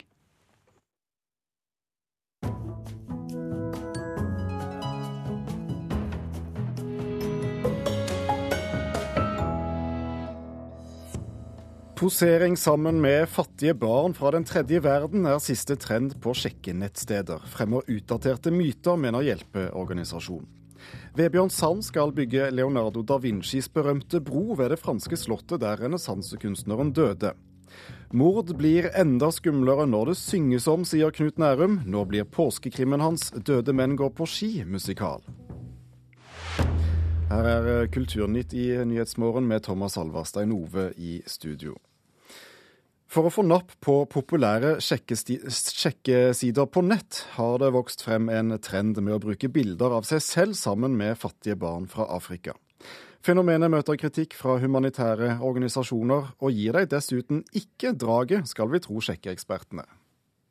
Her, her, har vi en mann som Han ser egentlig ganske selvtilfreds ut i ansiktet sitt. Han har ganske langt hår han ser ut som kanskje litt sånn hippiefyr. Og så leier han fem, seks, syv små barn bort fra det som ser ut som kanskje en fotballbane eller lekeplass. Dette er sjekkeekspert Sondre Sagen fra bloggen 0330.no. Akkurat nå sitter han og ser på bilder av hvite, vestlige menn og kvinner som poserer sammen med fattige barn i Afrika på sjekkenettstedet Tinder. Her har vi en dame med en hårbøyle som holder et lite barn på noe som ser ut som et barnehjem. Her har vi en kar som står uh, ute på et uh, fint grønt jorde, omgitt av det som ser ut som en uh, skoleklasse med jenter i skoleuniform fra et afrikansk land. Bildene er brukt som profilbilder, altså det ene bildet man velger for å promotere seg sjøl, i håp om å få napp på det populære sjekkenettstedet. De tenker at jeg legger ut et bilde av meg selv hvor jeg eh, hvor jeg f.eks. er i Afrika og hjelper barn, så tenker folk at å, dette må være et veldig snilt menneske. Eh, men egentlig så er det jo sånn at folk tenker hm, hvorfor har vedkommende valgt å legge ut dette bildet her på Tinder? Så, så får man på en måte en litt sånn usympatisk effekt isteden, da. Å bruke fattige barn man ikke kjenner for å på en måte få seg en eh, kjæreste eller komme på date, det er noe som jeg iallfall vil oppfordre folk til å tenke seg om to ganger før de gjør. Det sier lederen for studentenes og akademikernes internasjonale hjelpefond, Jørn Vikne Pedersen. Han mener bildene er med på å fremme utdaterte myter om den hvite manns evne til å redde verden. Denne type bilder mener jeg iallfall er en del av et sånn slags eh, narrativ som, som, mange har av verdens problemer. Det er bl.a. at, at hvite mennesker må reise ned til f.eks. Afrika og rett og slett uh, hjelpe til med å løse problemer. Dette er noe vi ser f.eks. i en rekke bistandskommunikasjon, uh, som vi i FIH har satt fokus på tidligere. Og dette er på en måte mer privatversjonen av dette, Det påstå. Altså det som gjerne kalles the white, white man savior complex. Til tross for at flere og flere av oss bruker slike bilder som et sjekketriks, er folk på gata ikke spesielt begeistret for trenden. Jeg syns det er ikke noe særlig passende i det hele tatt, for å si det sånn. Jeg må si jeg syns jo ikke det er helt riktig. Nei, jeg syns det blir litt, helt, litt, feil egentlig å bruke folk i den tredje verden eh, til å få seg, få seg noe. Jeg syns det er litt feil. Heller ikke psykolog Peder Kjøss har tro på fenomenet. For de som er mer sånn kyniske og, og, ser at dette er en klisjé fordi de følger med litt, så, så, er det jo klart at det vil jo falle igjennom. For da vil jo alle Da vil man jo se at at du er en vandrende klisjé, på en måte. da. Han mener fasaden som godhjertet verdensborger fort vil bli revet ned på et eventuelt stevnemøte, og mener trenden har sine røtter i kjendiskulturen. Dette her er jo en klisjé som kommer fra kjendismedia. Det er jo eh, Angelina og um, Mette-Marit, det, det, er jo Madonna, det er liksom de folka vi, eller Bob Geldof, da, som er vant til å se i den typen situasjoner. Det er sjekkeekspert Sondre Sagen enig i, men det er ikke gitt at mannen i gata klarer å imponere på samme måte. Det funker veldig fint når du ser Brad Pitt der i Afrika og hjelper, uh, hjelper barn som har det vanskelig, når det står i en avis. Det funker ikke like bra hvis en person som du ikke vet hvem er, tar et bilde av seg selv og gjør det samme, og så velger selv å legge det ut på datingprofilen sin. Der tror jeg mye av kjernen ligger. Reportere i dette innslaget det var Åsta Hoem Hagen og Jarand Ree Mikkelsen. Broen renessansekunstneren Leonardo da Vinci konstruerte for oppføring over Bosporosstredet, ble aldri bygget før Vebjørn Sand fikk laget en tro kopi over E18 i Ås. Nå skal Sand bygge en ny kopi i landsbyen Amboise i Frankrike, på oppdrag fra slottet der da Vinci ligger gravlagt. Nå skal vi til et vakkert lite renessanseslott som heter Clos Lucé. Det ligger i Loiredalen. Vi er på toget på vei til den franske byen Amboise, der Leonardo da Vinci er gravlagt, og levde de siste tre årene av sitt liv. Nå skal en av de største europeiske begavelser hedres for sine fremtidsvisjoner, og da er det kunstneren Vebjørn Sand museet ber om hjelp. De ville ha ham med når det skal bygges bro, i dobbel forstand, mellom fortid og fremtid. For meg så er jo det som å bygge på Petersplassen i Roma omtrent. Altså det, det er jo, dette er jo en av de absolutt uh, største kultur- og kunsthelligdommene i Europa. Altså dette slottet hvor Leonardo uh, bodde og virket den siste delen av sitt liv. Så, så, det er jo det flotteste og største jeg har vært med på og vært invitert inn i, helt, helt klart. I det maleriske landskapet, som ofte omtales som Frankrikes hage, ble Mona Lisa ferdigmalt, broer konstruert og vitenskap satt ut i livet. I parken rundt slottet Clolycé er oppfinneren, vitenskapsmannen og kunstneren hedret med 40 installasjoner. Men én bro mangler.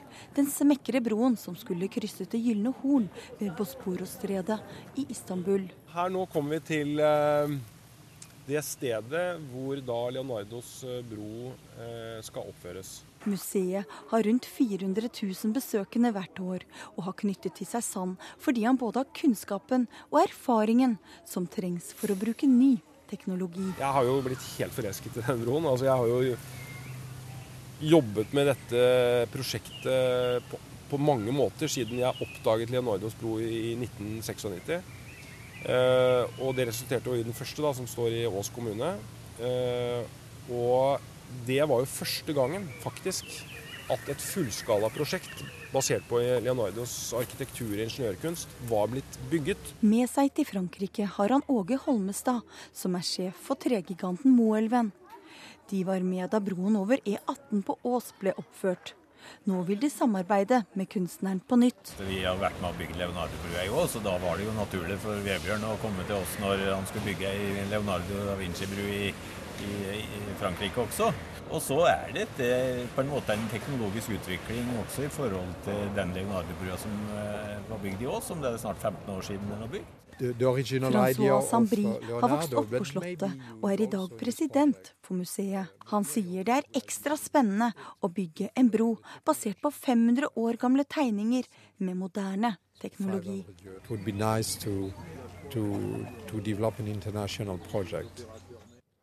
Og reporter i Frankrike, det var Anette Torjussen.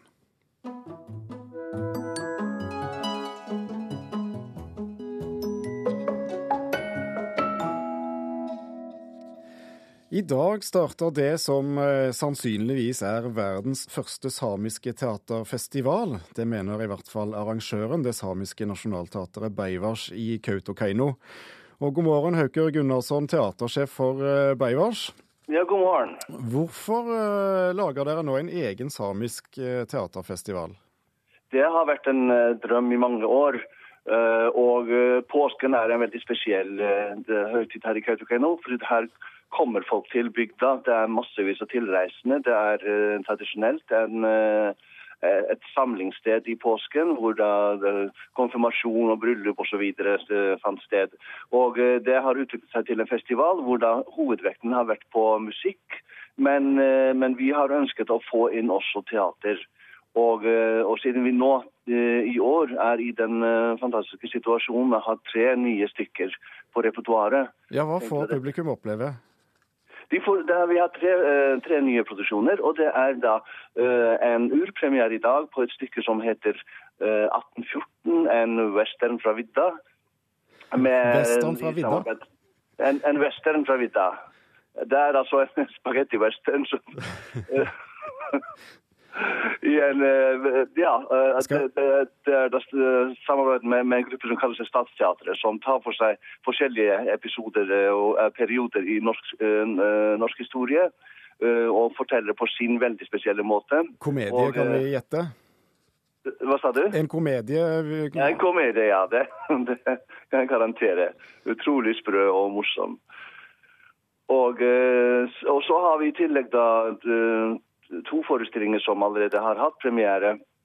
Eh, den ene heter eh, Ailohas, solens sønn, av eh, finske Ari Pekkalatti. Og det er et samarbeid med Nationaltheatret i Finland. Og handler om den store multikunstneren Nils Asak Kvalkapel, Ailohas. Samenes største dikter og, og multikunstner, altså. Og så har vi også et samarbeid med, med teatret i, det samiske teatret i Kiruna i Sverige.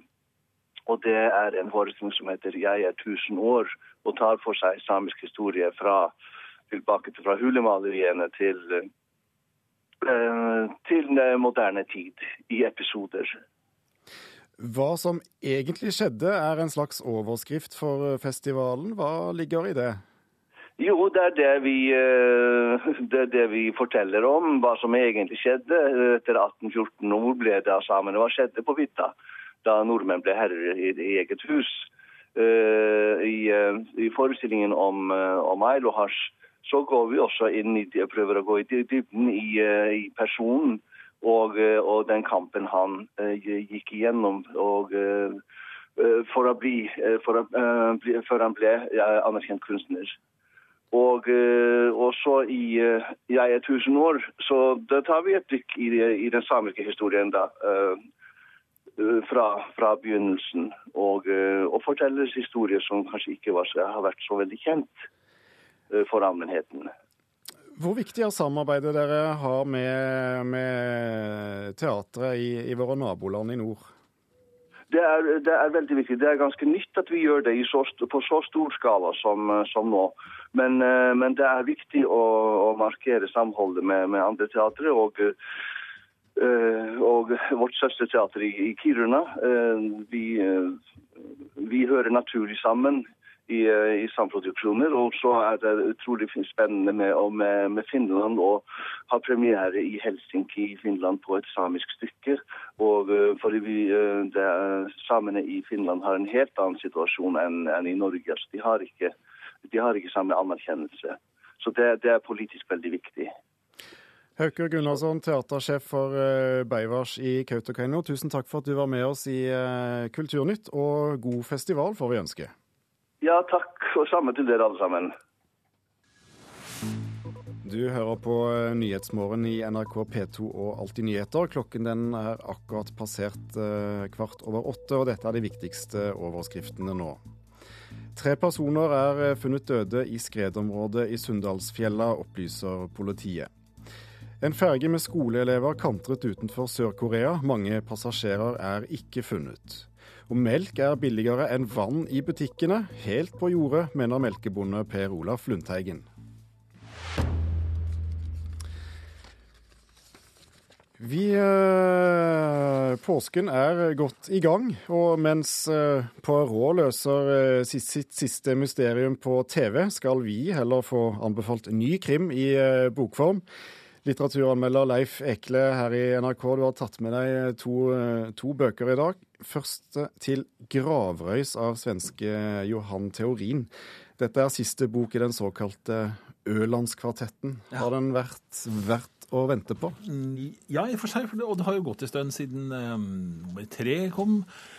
Blodla, blodleie heter det på norsk. Det tror jeg faktisk er fire år siden. Ja, det har vært verdt å vente på, fordi det som bærer denne serien fra Åland, det er vel to-tre ting. Først og fremst er det denne gamle mannen som heter Gjerlov Davidsson.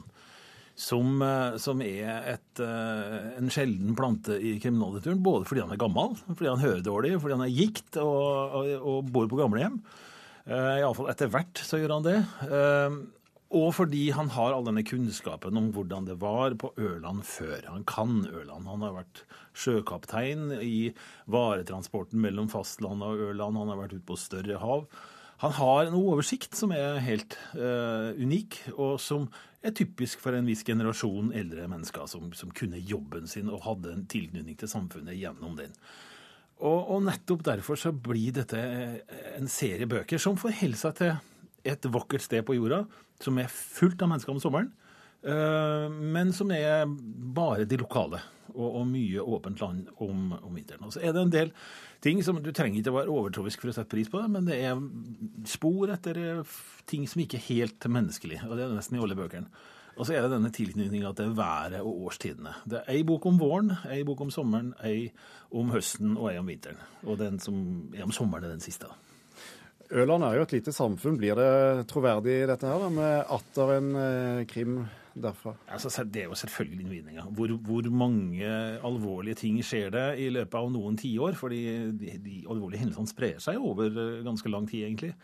Eh, på et så lite sted, og, og det må du nesten leve med. Uh, utover det så tror jeg at beskrivelsene av Ørland som sådan i de forskjellige fasene av året er, er troverdige. Du eh, vil også anbefale um, neste bok. Den tar oss til Argentina. Mapuche, er det riktig uttalt? Jeg tror det er Mapuche. Mapuche sikkert ja. i, i, i, spansk aksent, men skrevet av franskmannen Carl Ferry. Hvordan er dette blitt? Jo, altså Carl Ferry har jo gjort en spesialitet av dette. Eller spesialitet spesialitet. Han, hans første bok på norsk het 'Zulu' og foregikk i Sør-Afrika. Det var En fantastisk roman. Uh, en rå og brutal, svær kriminalroman, uh, men skrevet med et engasjement og et trykk som gjorde at det var fantastisk lesning. Den fikk en viss oppmerksomhet. Uh, og nå har altså den samme Ferri dratt til, til Argentina og, og og har skapt en historie som, eh, som har diktaturet fra 70-tallet. Eh, da de militære overtok i 76. Bestemødrene på Maiplassen. de, alle de forsvunne som man har prøvd å finne igjen etterpå. Han har bakt dette inn i en historie som også involverer mapuche-indianernes historie. Det er rått og brutalt igjen, i perioder fantastisk skrevet. Men det er noen innvendinger til denne boka som det overraska meg da jeg begynte å lese den. Jeg la den nesten fra meg igjen. Uh, og det skyldes at uh, Jeg tror det skyldes at uh, Ferri i begynnelsen så er teksten hans veldig todelt. Den fungerer utrolig godt når han skal beskrive hendelser, historie, det som faktisk skjer. Og så detter den sammen når han kommer til dialogene. Og dialoger er ekstremt viktige i en kriminalroman. Og, og, den synden han begår, er å, å, bruke alle mulige andre ord enn uh, sa, rett og slett, når han skal si, mm. altså gjengi en dialog. Og ifølge vår venn Elmore Leonard så er jo dette en uh, dødssynd å bruke noe annet enn sa, og dessuten bruke adverb til å beskrive hvordan man sa det. Og det, det blir faktisk fort kjedelig, men det tar seg opp. Uh, og etter hvert så, så, blir det ytterst lesverdig, og, og, det er sterk bok. altså. Definitivt verdt å, å ta med foran peisen uh, på, på, fjellet. Tusen takk skal du ha, eh, litteraturanmelder Leif Ekle.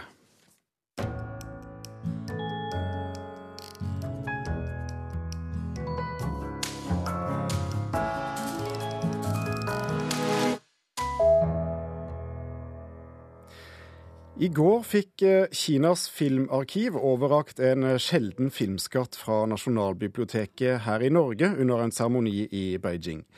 Den, den, kinesiske stumfilmen fra 1927 var eh, ansett som tapt inntil Nasjonalbiblioteket skulle til å rydde i 9000 gamle filmruller for tre år siden. Den gamle nitratfilmen er blitt restaurert her i landet og har nå kommet hjem igjen. Asia-korrespondent Anders Magnus, eh, vi har fortalt om denne filmen før her i Kulturnytt, men gi oss en liten påminnelse om hvorfor den er så viktig i kinesisk filmhistorie.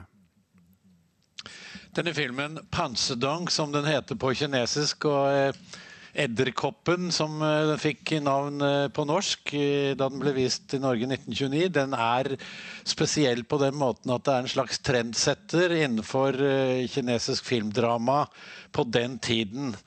Dette var jo nokså eh, ferske ting i kinesisk filmhistorie, allerede fra 1927. Og det er jo stumfilm vi snakker om her, i svart-hvitt. Så eh, det er veldig overdrevet. Det sies jo ingenting, men eh, det er store fakter og mye geberder og lett å følge med. Og så har vi jo disse plakatene innimellom med, med tekst om hva som skal sies som driver handlingen framover også. Eh, det var altså en seremoni eh, i Beijing i går, eh, og kineserne takket for gaven fra talerstolen. Men, men, du og andre norske journalister fikk ikke snakke med dem om filmen i går. Hvorfor ikke det? Ja, Det er jo veldig spesielt å oppleve som relativt arrogant fra kinesiske myndigheters side. Eh, det som skjedde, var at eh, jeg ba om å få en kommentar fra hun som tok imot filmen på vegne av dette kinesiske filmarkivet, som var visedirektør. Selve direktøren var i barselspermisjon. Eh, og svaret var at nei, jeg kunne ikke få et intervju med henne fordi hun var på for høyt nivå i forhold til å bli eh, intervjuet eh, av Norge, som jo kineserne, eller kinesiske myndigheter, må vi understreke, eh, jo boikotter. Eh, det er jo ingen eh, offentlige personer i Kina som vil la seg intervjue av NRK. Eh, og, og, dette har man da altså videreført til dette nivået. Hun var, eh, Visedirektøren var smilende og hyggelig dame, men hun har åpenbart fått beskjed ovenfra at, eh, og for henne å gi uttalelser eh, til norsk fjernsyn, det ville være i strid med den boikotten som kinesiske myndigheter har overfor Norge, og som da også gjelder på et så, såpass lavt nivå, såpass obskurt skal vi si, nivå som et kinesisk filmarkiv. Tror du Nasjonalbiblioteket hadde regnet med en slik oppførsel da de inviterte til Festivitas i går?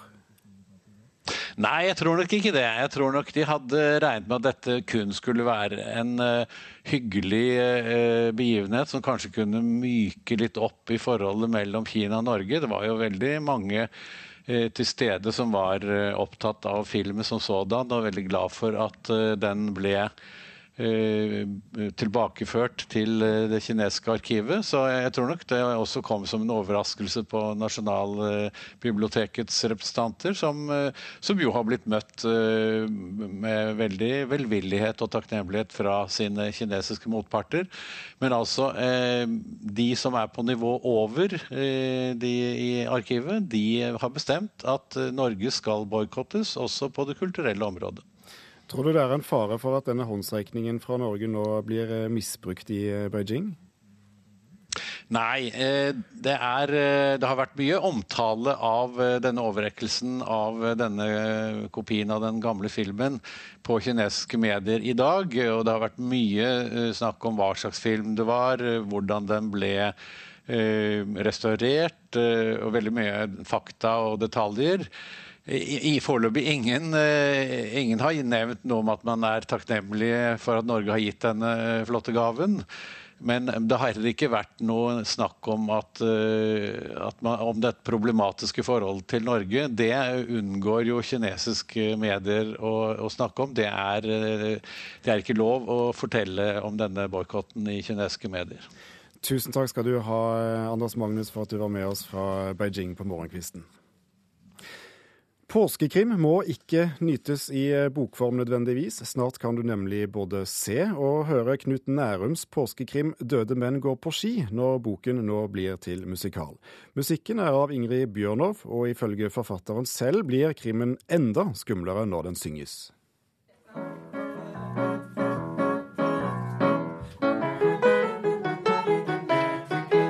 En bare norsk astma- og allergiforbund I en dansesal på Bordarakademiet i Oslo synges for første gang tonene til en helt ny påskekrimmusikal. Og veldig deilig med de crescendoene på her. Det er musikalversjonen av Knut Nærums påskekrim 'Døde menn går på ski', som nå testes ut for første gang. Det hele begynte for nesten åtte år siden, da regissør og koreograf Johan Osulsen leste Nærums bok at dette kunne kanskje bli en teaterforestilling, en musical. Så, så, tok jeg en prat med han, og så var jeg vel egentlig litt sånn smånervøs, for jeg visste ikke om Knut likte musicler. Og det første jeg sa var kanskje det skulle bli en musikal, og da sa han det var akkurat det jeg hadde tenkt. Dermed var prosjektet født. Og for de som ikke kjenner boka 'Døde menn går på ski', så har den alt en påskekrimelsker kan ønske seg. Jeg skrev jo denne boka i min tid. Fordi jeg ville skrive en metapåskekrim. Jeg ville skrive en påskekrim som foregår i påska. På fjellet, der hvor folk leser krim. Handlingen er at en gruppe mennesker reiser til fjells i påska for å leke mordleken. En av påsketuristene har rollen som morder, mens de andre skal løse gåten. Men før de kommer så langt, så blir det begått et uh, ekte mord. På en tilsynelatende umulig måte. Du, du, du, ja.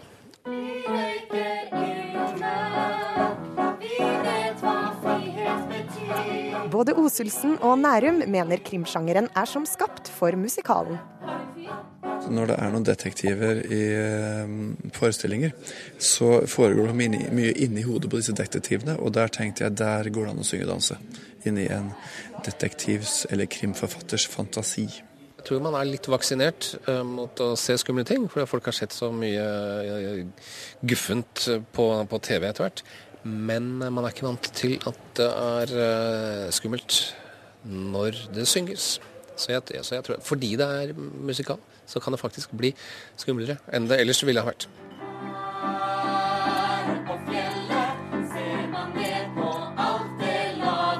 Musikken er skrevet av Ingrid Bjørnov. Men det å holde seg til det seriøse krimplottet har vært en utfordring for komponisten. Det som er uh hele tiden er den musikalske konflikten. Det er å beholde en troverdig krimgåte opp mot alle de lettvinte, morsomme tingene. For jeg er jo den første til å på en måte ta et refreng og stikke. Jeg synes jo, ikke sant, Og så modellerer jeg, og så kunne det kommet inn dansere. Altså, jeg blir så begeistret i øyeblikket at jeg er villig til å forsake både plott og dramaturgi til fordel for et godt refreng. Bjørnov lover at musikken vil være gjenkjennelig for både påskeelskere og krimfantaster. Den er skrevet med stor kjærlighet til krimsjangeren som sådan. Altså alt fra små hint til gamle kjellingsmelodier til en sånn Egil Monn Iversen eh, Sigurd Jansen, 'Vinter og sne', Wenche Myhre. Altså, vi prøver å, prøver å, smelte sammen en del referanser som nok er ganske norske og kvikklunsjete. Foreløpig har ikke påskekrimmusikalen fått noen premieredato. Men eh, kommer snart i en påske nær deg.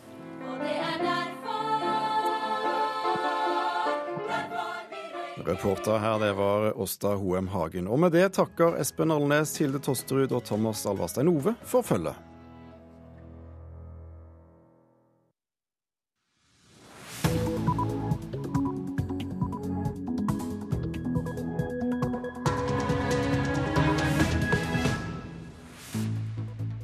Nå klokka 8.30 er dette overskriften i Nyhetsmorgen.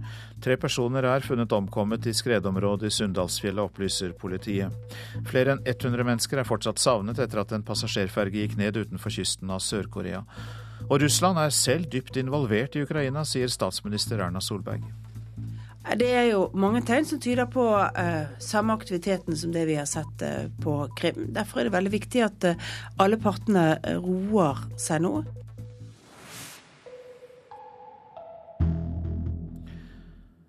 Tre personer er funnet omkommet, altså, i skredområdet i Sunndalsfjella i Møre og Romsdal.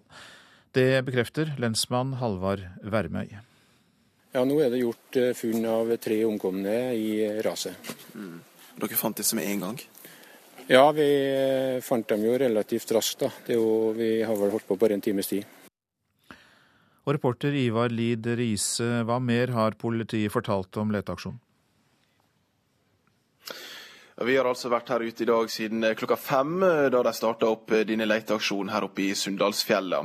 Det som ble klart i dag, det var at det var godt nok vær til å ta seg inn i dette rasområdet der disse fire skiløperne var meldt savna.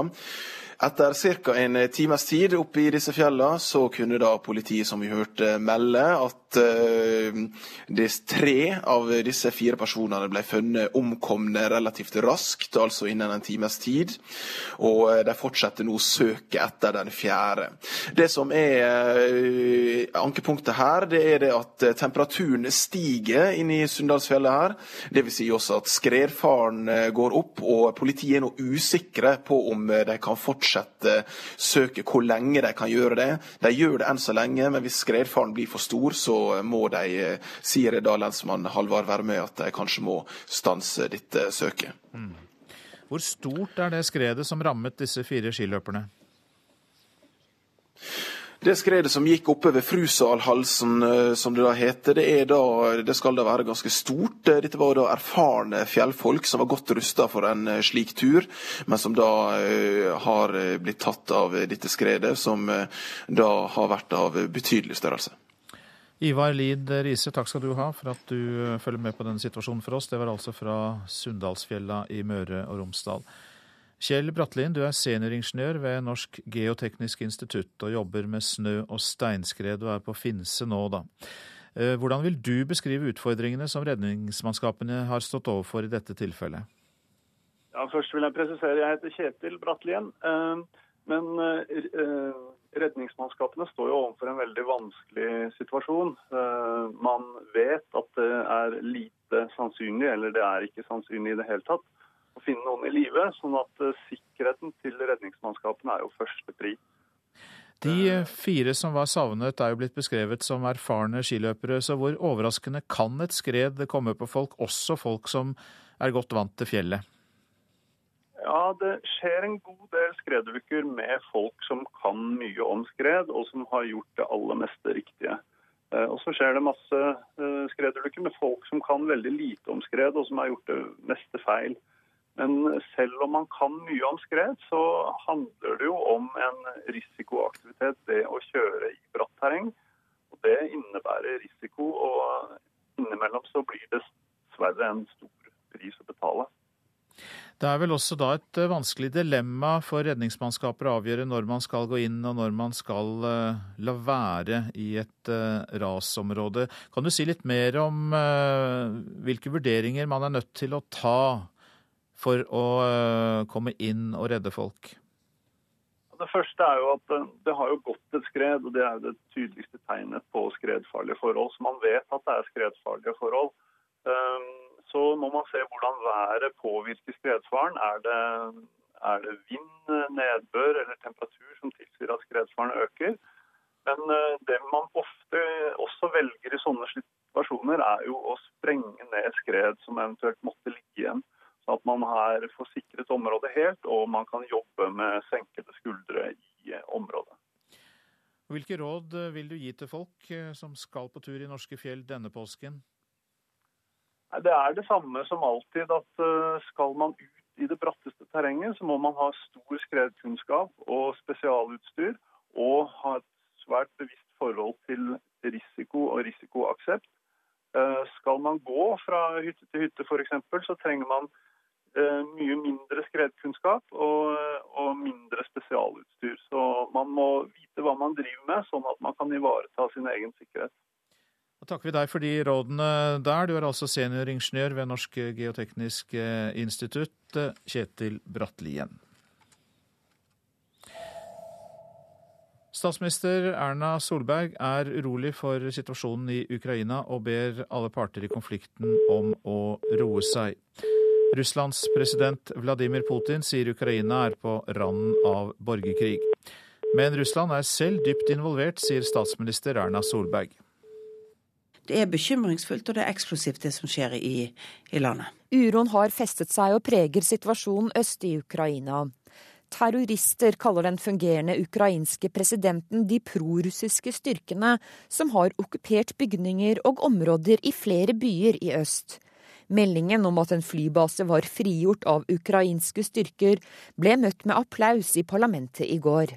Dette var den første væpnede aksjonen mot de prorussiske styrkene, og det er uklart om noen ble drept eller skadet. Forhåpentligvis så klarer man å roe eh følelsene og aktiviteten i Ukraina. Det er jo sånn at Russland er dypt involvert i, i Ukraina. Det er muligheter for å eh, holde temperaturen nede på begge sider. Ja, Kan du si litt mer om hvordan du vurderer eh, den siste utviklingen nå i Ukraina? Det er jo mange tegn som tyder på eh, samme aktiviteten som det vi har sett eh, på Krim. Derfor er det veldig viktig at eh, alle partene eh, roer seg nå. sørger for at man får tid til bl.a å gjennomføre det valget som skal skje i slutten av eh, mai. Verden følges spent med, og i en uttalelse fra Kreml kommer det frem at Russlands president mener at Ukraina er på randen av borgerkrig. Jeg tror det er veldig viktig at vi eh, er tydelige på linje med de andre landene om at eh, det er uakseptabelt å bryte folkeretten sånn som man har gjort på Krim. Det å stille opp 40 000 eh, soldater på grensene til Ukraina sånn som Russland har gjort nå, utøver et utilbørlig press på et annet land i en ustabil situasjon. Og som sagt så er det sånn at Russland er dypt involvert i mye av det som skjer i, i Ukraina. Ja, det sa statsminister Erna Solberg, og reporter her, det var Line Tomter.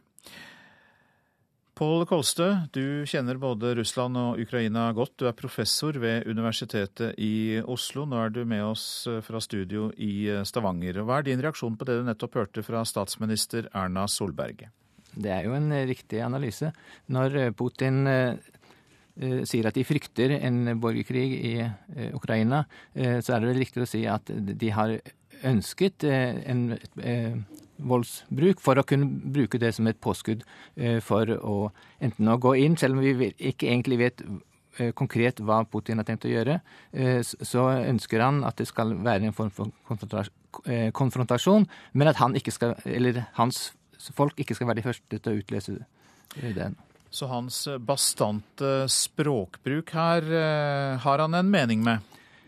Ja, altså eh, Russerne har hele tiden ment at eh, Maidan-plassen, eh, det som skjedde der, eh, var et eh, kupp. Eh, og nå på en måte skaper de en tilsvarende situasjon og, og mener at hvis de, Vesten og Ukraina godtok det, det at Janukovitsj blir styrtet på den måten, så må de godta at eh, det tilsvarende skjer i Øst-Ukraina. Eh, men akkurat hvor Putin eh, har tenkt å ende opp, det tror jeg kanskje ikke han vet selv heller. Han på en måte Veien blir til mens han går, og han Det er jo flere som skal spille inn her, og han reagerer på, på hva ukrainerne gjør. Og vi vet ikke om de har tenkt å, å ta en voldelig konfrontasjon eller ikke. Nei, det er mye som er usikkert. Likevel, hvis du skal eh, hjelpe oss med å tegne opp noen mulige scenarioer, eh, hvilke kan vi komme til å se i tiden fremover? Eh, ja, altså Det som kan tyde på at ukrainerne kommer til å ta et væpnet oppgjør, og det er jo at de, den midlertidige regjeringen blir jo hardt presset også fra sine egne, og ikke minst fra Maidanplass-aktivister og folk fra Vest-Ukraina, som krever aksjon. Eh, selv om eh, det neppe eh, vil kunne gi gode resultater for Ukraina. De vil ikke kunne stå seg i en stor væpnet konflikt mot Russland. Slik at det tyder på at myndighetene i Ukraina kommer til å være tilbakeholdne. Og da vil det Altså, dette kan trekke i langdrag hvis ukrainerne ikke skyter først. Eh, og da kan man jo tenke seg at man også da får til en forhandlingsløsning med Vesten eh, som eh, tilretteleggere. Og det vil jo selvfølgelig være det beste. Men bakenfor alt dette er jeg litt spent på hva ligger for Hva er det Russland ønsker å oppnå? Hva er det de ønsker å presse fram? Hva er det de har som et hovedmål ved sine handlinger og sin holdning til Ukraina? Ja, det er virkelig vanskelig å vite. Altså, man kan tenke seg at de, de ønsker bare en destabilisering av Ukraina, en straffe Ukraina. Eh, de kan tenke seg å ville eh, få til en føderalisering av Ukraina med større selvstyre for de østlige provinsene, selv om de allerede i dag har, eh, når det gjelder språksituasjonen, gode forhold for det russiske språk. Man kan også tenke seg at de faktisk ønsker at noen av disse områdene skal kunne forenes med Russland, selv om jeg vil si at det er kanskje det minst sannsynlige. Men de som sier at Russland gjør dette her for å få større kontroll på Ukraina, Eh, hvis det er slik de tenker i Kreml, så, tenker de i så fall helt feil. For eh, ukrainerne vender seg jo bare eh, mer og mer mot Russland når Russland oppfører seg på denne måten. Mange takk for at du var med og opplyste oss om dette, professor ved Universitetet i Oslo, Pål Kolstø. Så da til eh, fergeulykken i eh, Sør-Korea som vi har fulgt eh, denne morgenen. Det kommer nå meldinger fra Kystvakten om at langt færre enn antatt er reddet, og at det er så mange som 300 passasjerer som ikke er gjort rede for. Asia-korrespondent Anders Magnus, hva mer vet du? Nei, De sier at man bare kan bekrefte at 164 av disse Eh, flesteparten er jo skoleelever, er eh, brakt i sikkerhet. Eh, og de tidligere tallene er altså feil. Det har jo også vært sendt ut meldinger fra denne skolen, denne videregående skolen i, nærheten av hovedstaden Seoul, om at alle deres elever og lærere var i sikkerhet. Det kan man altså heller ikke stole på. Så det er mye som er uklart her nå. Det var jo en skoletur de var på, disse ungdommene og lærerne, til øya Jeju eh, sør for Koreahalvøya. Skulle være en hyggelig tur til et turistmål, og som da endte i denne tragedien. Så vidt jeg har skjønt, så er jo dette en helt vanlig ferge. Og hva var det som skjedde som gjorde at den eh, led skipbrudd så plutselig? Ja, det er en, eh, som du sier, en helt normal ferge. og Sør-Korea har jo mye skipstrafikk. De bygger skip, er gode sjøfolk. Så dette her er eh, veldig uvanlig i dette farvannet. Eh, det som har blitt rapportert fra folk som var om bord, var at man hørte et kraftig dunk rett før skipet begynte å synke. Det kan tyde på at det har grunnstøtt. Dette vet vi ennå ikke. men det som er sikkert, er at det sank eh, Først tippet det over på siden. Eh, en del ble reddet ut til nærliggende båter da, men det sank svært fort. og eh, Tragedien kan jo ha vært at veldig mange av disse skoleelevene befant seg i lugarene og ikke ble hentet ut og, og beordret ut på sjøen før skipet sank, slik at de kan ha druknet i lugarene fordi skipet gikk ned såpass raskt. Hvordan vil man beskrive redningsinnsatsen så langt? Er det mulig å si noe om det? Ja den har vært formidabel og eh, kjennetegner jo eh, sørkoreansk effektivitet. Eh, det har vært Eh, flere titalls helikoptre og enda flere eh, båter fra marine og kystvakt til stede. Så hvis det var folk i sjøen eh, som det var mulig å redde, så ville de nok ha blitt reddet. Så disse illevarslende meldingene fra Kystvakten tyder på at det er mange flere inne i skipet enn det man har trodd. Og det man kan frykte nå, er jo at dødstallene kan komme til å stige ganske dramatisk. Mange takk skal du ha så langt, Anders Magnus, som altså er vår eh, Asia-korrespondent. Klokka den går raskt mot 8.45. Dette er hovedsaker i nyhetene i dag. Tre personer er altså funnet omkommet i skredområdet i Sunndalsfjella. Det er politiet som opplyser det. Russland er selv dypt involvert i Ukraina, sier statsminister Erna Solberg. Hun ber alle parter i konflikten om å roe seg. Og det kan være flere enn 300 mennesker som eh, fortsatt er savnet etter at en passasjerferge gikk ned utenfor kysten av Sør-Korea, som vi nettopp hørte vår korrespondent Anders Magnus snakke om.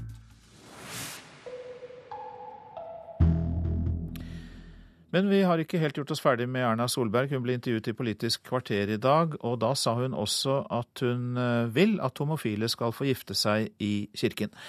Statsministeren understreker at det er hennes personlige mening som kirkemedlem. Jeg respekterer at dette er et spørsmål som Kirken avgjør. Så jeg er medlem av Kirken selv, og som medlem av Kirken har jeg selvfølgelig meninger, men jeg tenker at som statsminister trenger jeg ikke uttrykke mine private meninger om dette i offentligheten. Likevel er det ikke tvil om hva statsministeren mener når hun får spørsmålet. Mener du at homofile bør få gifte seg i kirka? Altså, Personlig så mener jeg at det er den veien jeg ønsker meg at Kirken går som kirkemedlem. Stemte du sjøl ved kirkevalget? Jeg stemte ved sist kirkevalg, og jeg kommer helt sikkert til å se nøye på hva de jeg skal stemme på i fremtiden eh, eh, mener om viktige spørsmål. I Dagsavisen i dag sier Venstre-leder Trine Skei Grande at staten bør stå for det juridiske ved giftermål, og at kyrkja bør ha en mer seremoniell rolle. Frp sier ei utgreiing om dette kan være aktuelt. Dette har Høyre allerede tatt stilling til, sier Solberg. Dette var jo en uh, stor diskusjon i Høyre i programbehandlingen før dette valget hvor vår programkomité faktisk foreslo at man skulle innføre en eh, statlig eh, vigsel, og at det var en seremoni i alle kirkesamfunnet. Nå eh, var det altså med stor bravur at det forslaget tapte på Høyres landsmøte, og da er det ikke sånn at jeg har tenkt å ta det opp. Vi hadde en opphetet diskusjon i vårt parti om å overføre all vigsel til staten. Det tapte da, tror jeg, med ja, 80 flertall på vårt landsmøte. Så den er det altså ferdig med? Den er iallfall tapt for denne perioden. Flere motstandere av vedtaket har reagert med å melde seg ut av kyrkja. Hva mener du er den beste måten for folk å påvirke for å få gjennom sitt syn? Det er å stemme ved kirkevalget. Det er å stille spørsmål til de som er kandidater. Og det er å sørge for å delta i prosesser og ikke bare melde seg ut. Ja, den eh, oppfordringen kom fra statsminister Erna Solberg, og reporter her det var Astrid Randen. Hybridbiler som kan lades, må få avgiftsfordeler. Det mener både NAF og Elbilforeningen. Og samferdselsministeren vurderer å lytte til kravet. Du kan f.eks. hvis du skal fra Hamar inn til Oslo, så kan du lade bilen mens du kjører. Du kommer inn til Oslo, så tar du av ladinga og kjører på rein strømtilførsel. Bilselger Stein Sunde viser fram en ladbar hybridbil, som det finnes flere av på markedet i dag. En såkalt plug-in hybrid kan kjøre som ren elbil i fem mil og skifte til bensindrift på lengre turer. Nå krever NAF og Elbilforeningen at denne typen utslippsgjerrige biler får redusert moms eller andre avgiftsfordeler for å få ned salgsprisen, sier Inger Elisabeth Sagedal i NAF. Skal vi nå målet om 85 gram CO2 eh, per km innen 2020, så tror jeg vi må se nærmere på, på disse hybridene, som eh, vil være løsningen for veldig mange nordmenn. Det selges ganske få ladbare hybridbiler i Norge, fordi de er dyre.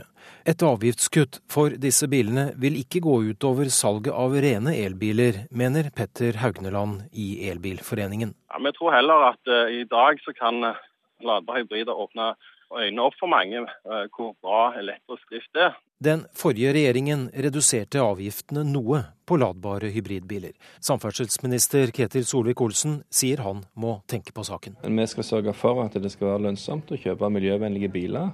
Om det betyr at det må være rene elbiler, eller om du òg kan se på ladbare hybridbiler, det gjenstår å konkludere på. Reportere her, det var Lars Håkon Pedersen og Odd Rømteland.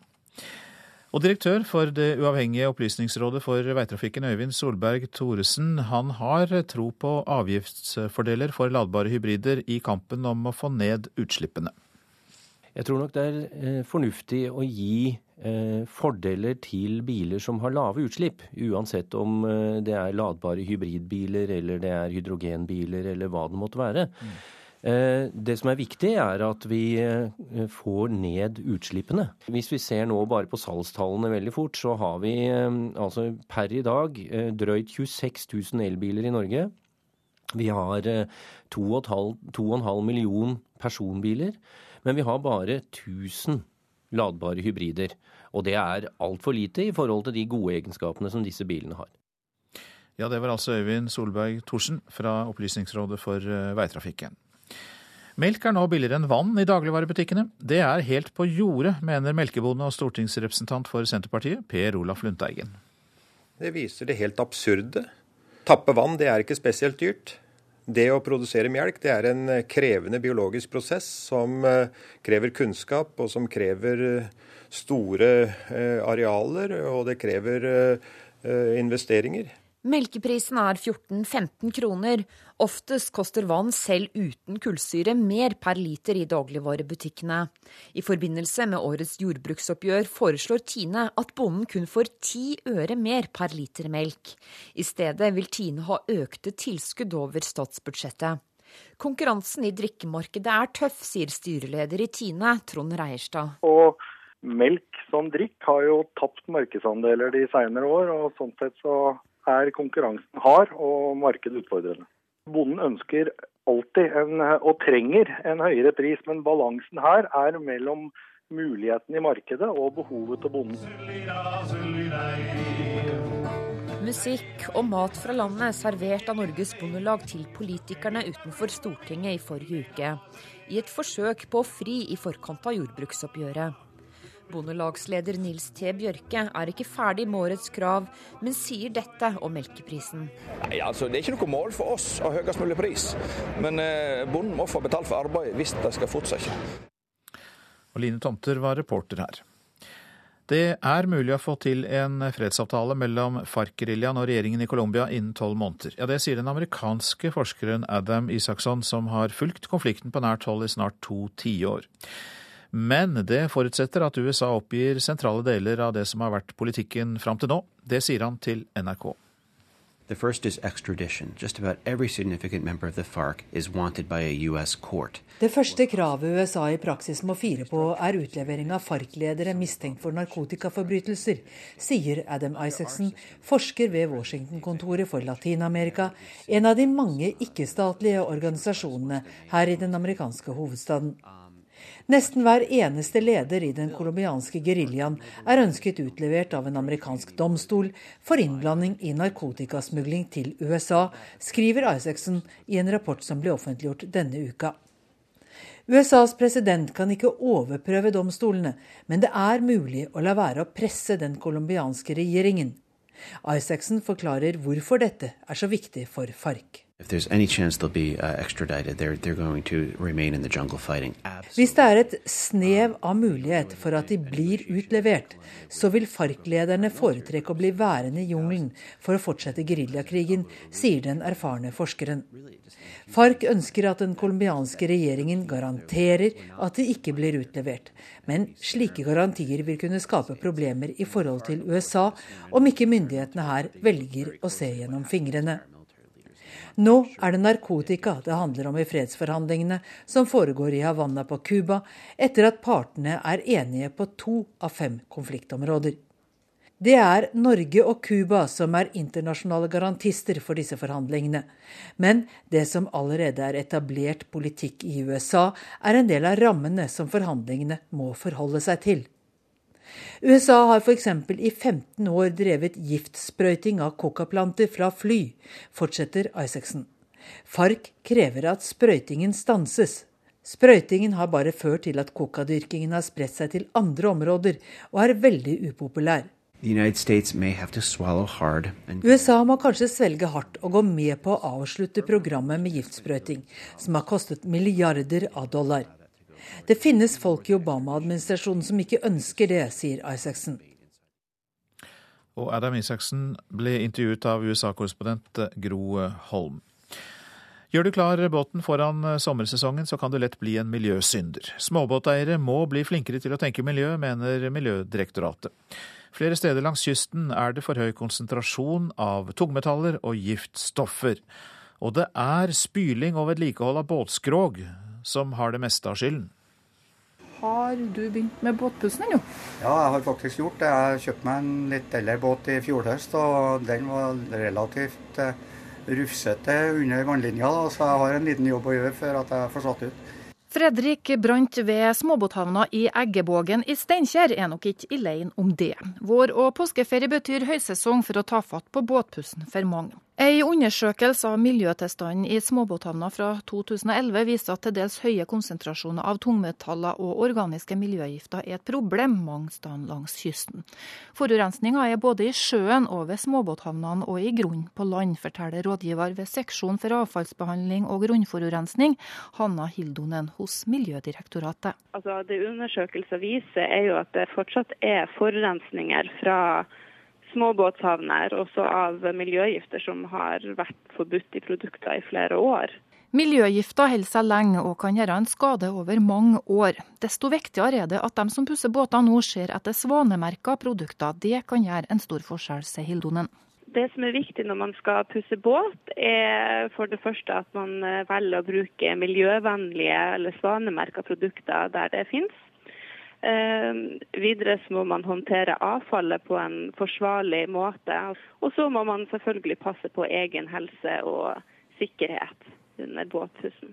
Ja, jeg er jo generelt miljøbevisst, det vil jeg jo påstå, da. Men eh, så men det er jo klart, det er jo, det er jo redusert en del miljøgifter i det her bunnstoffet etter hvert. Altså, jeg føler meg rimelig trygg på det bunnstoffet som er i handel nå, at det er, er brukbart.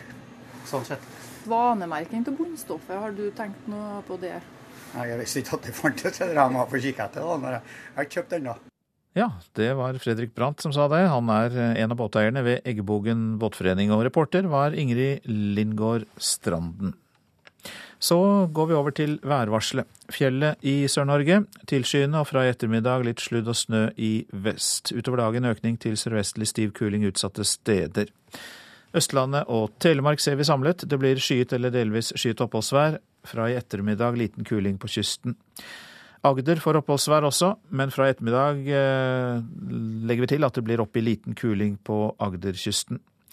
Rogaland og Hordaland liten kuling nord for Obrestad, stiv kuling nord for Karmøy.